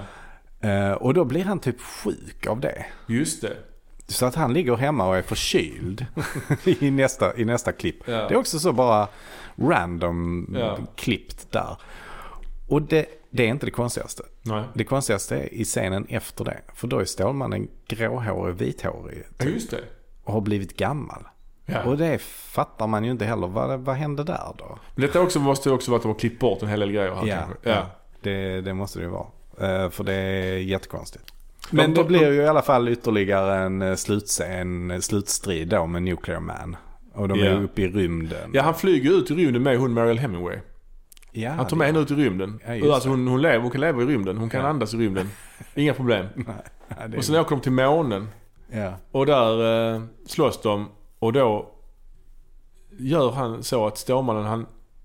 När de slåss i rymden. Stålmannen tar månen och flyttar den så den täcker solen. Och då förlorar Nuclear Man sina krafter och faller ner. ja, så är det. Och så lägger han lägger han ner ett kärnkraftverk. Mm. Men Stålmannen, det intressanta är att Stålmannen borde också förlora sina krafter då. För att det är ju från den gula solen han får sina krafter ju. Egentligen. Eh, ja, men jag tänker ändå att det är inte solljuset på samma sätt. Nej, kanske inte det. Utan, Nej. utan det de, de har ju någon slags eh, vetenskaplig förklaring på det i ettan. Och det är någonting med molekylsammansättningar. Ja, och sånt där. Så då. Men kan jag ändå De tar sig ändå friheter ganska rejält med karaktären och hans krafter. Det är någon sekvens, de pajar ju, han pajar ju kinesiska muren också, Mm. Nuclear Man. Och då lagar Stålmannen den genom att, med sin syn, han tittar på den. Ja. Och så bara lagas den. Det är också någon sån ny Ja. kraft. Ja, precis. Ja, men det att hon kan andas i rymden, det är ju ganska anmärkningsvärt. Att Mm. han bara Mm. slänger ut den i rymden, inga problem. Mm, ja, men det är det. Ja, nej det var väl egentligen vad den här filmen går ut på. Kan man ja, säga. Ja, det, det kan man säga. Uh, en annan liten intressant sak det är väl att eh, Stålmannen, eller, Clark, eller nu ska vi säga så här, Christopher Reeve egentligen. Mm. Han hade faktiskt precis genomgått en blindtarmsoperation innan den här filmen. okay. Så efter den så ville han inte träna så hårt utan han höll med på med cardio-träning. Så han var ute och joggade och sånt där. Så han är mm. faktiskt lite, lite slankare i den här filmen. Ja, ja. Än vad han är. För i trean så var det där blev han lite mer biffig. Mm. Så där är han nog som, som störst, vad man ska säga, i trean. Mm. Rent fysiskt. Och i fyran är han faktiskt lite, lite mer smal. Ja, ja. Ja, det nej, kanske men... är intressant för någon. Jag vet inte. Ja, någon är det väl det på. Ja, men de här fyra filmerna vi har pratat om, de är ju... Ja, de blev nästan sämre och sämre kan man väl säga. Ja, alltså, och, är... och, i fyran så, det som jag också tycker är intressant är att man ser det ju direkt på ja. titlarna. Ja, ja, att det är en riktig Alltså att den är riktigt dålig. För titlarna är väl det som nästan sticker ut allra mest. Alltså de är ja. så jäkla fula i mm. fyran. Jag kommer ihåg när den här filmen kom faktiskt. Alltså när den här var ny den här mm. filmen. Jag kommer ihåg när de recenserade den här filmen på tv när jag var liten och sånt. Mm. Och jag såg planschen inne i, i lobbyn på någon bio. När jag skulle se en annan film. Så var det reklam för den här filmen. Så jag har liksom så minnen på det sättet. Men då tänkte man inte på att det var en sån här riktig B-film ju såklart. Nej. Alltså jag tänker att egentligen på manusstadiet så skulle den här kunnat vara ganska bra. För ja. Stålmannen får ju faktiskt en uh, stark fiende. Ja, det är en exakt. klon av honom själv. Ja. På manusstadiet. Ja. Uh, ja, alltså det är synd att det blev som det blev mm. egentligen. Mm. Uh, mycket hade man, alltså den här Nuclear Man, han ser ju ut som du säger som en strandraggare. Han hade mm. man ju mm. kunnat göra bättre. Men, men på manusstadiet så var ju inte de besluten tagna. Nej, precis. Nej, jag, jag håller med. Jag tycker den här filmen, eh, på, på vissa sätt föredrar jag den framför trean. Ja, jag gör nog inte det ändå för att den är så himla svår att förstå. ja, det är klart. Alltså den här filmen. Men man har inte liksom när man ser trean så är den ju aktiv, den är så tråkig. Alltså den, den ska, ja, den, den ska vara rolig men det är det mm. inte. Mm. Den här är ju såklart också ett misslyckande. Båda de här två filmerna ja. är ju egentligen Men den här filmen har Gene Hackman, det har inte Nej, trean. Har inte. Uh, trean har Richard Pryor. Mm. Så att jag håller nog med dig till viss del. Uh, skulle jag bli tvingad att se trean eller fyran mm. igen så hade jag nog valt fyran faktiskt. För den är det ger mig ändå mer att titta på den ja. även om den är totalt uh, oförståelig. Ja.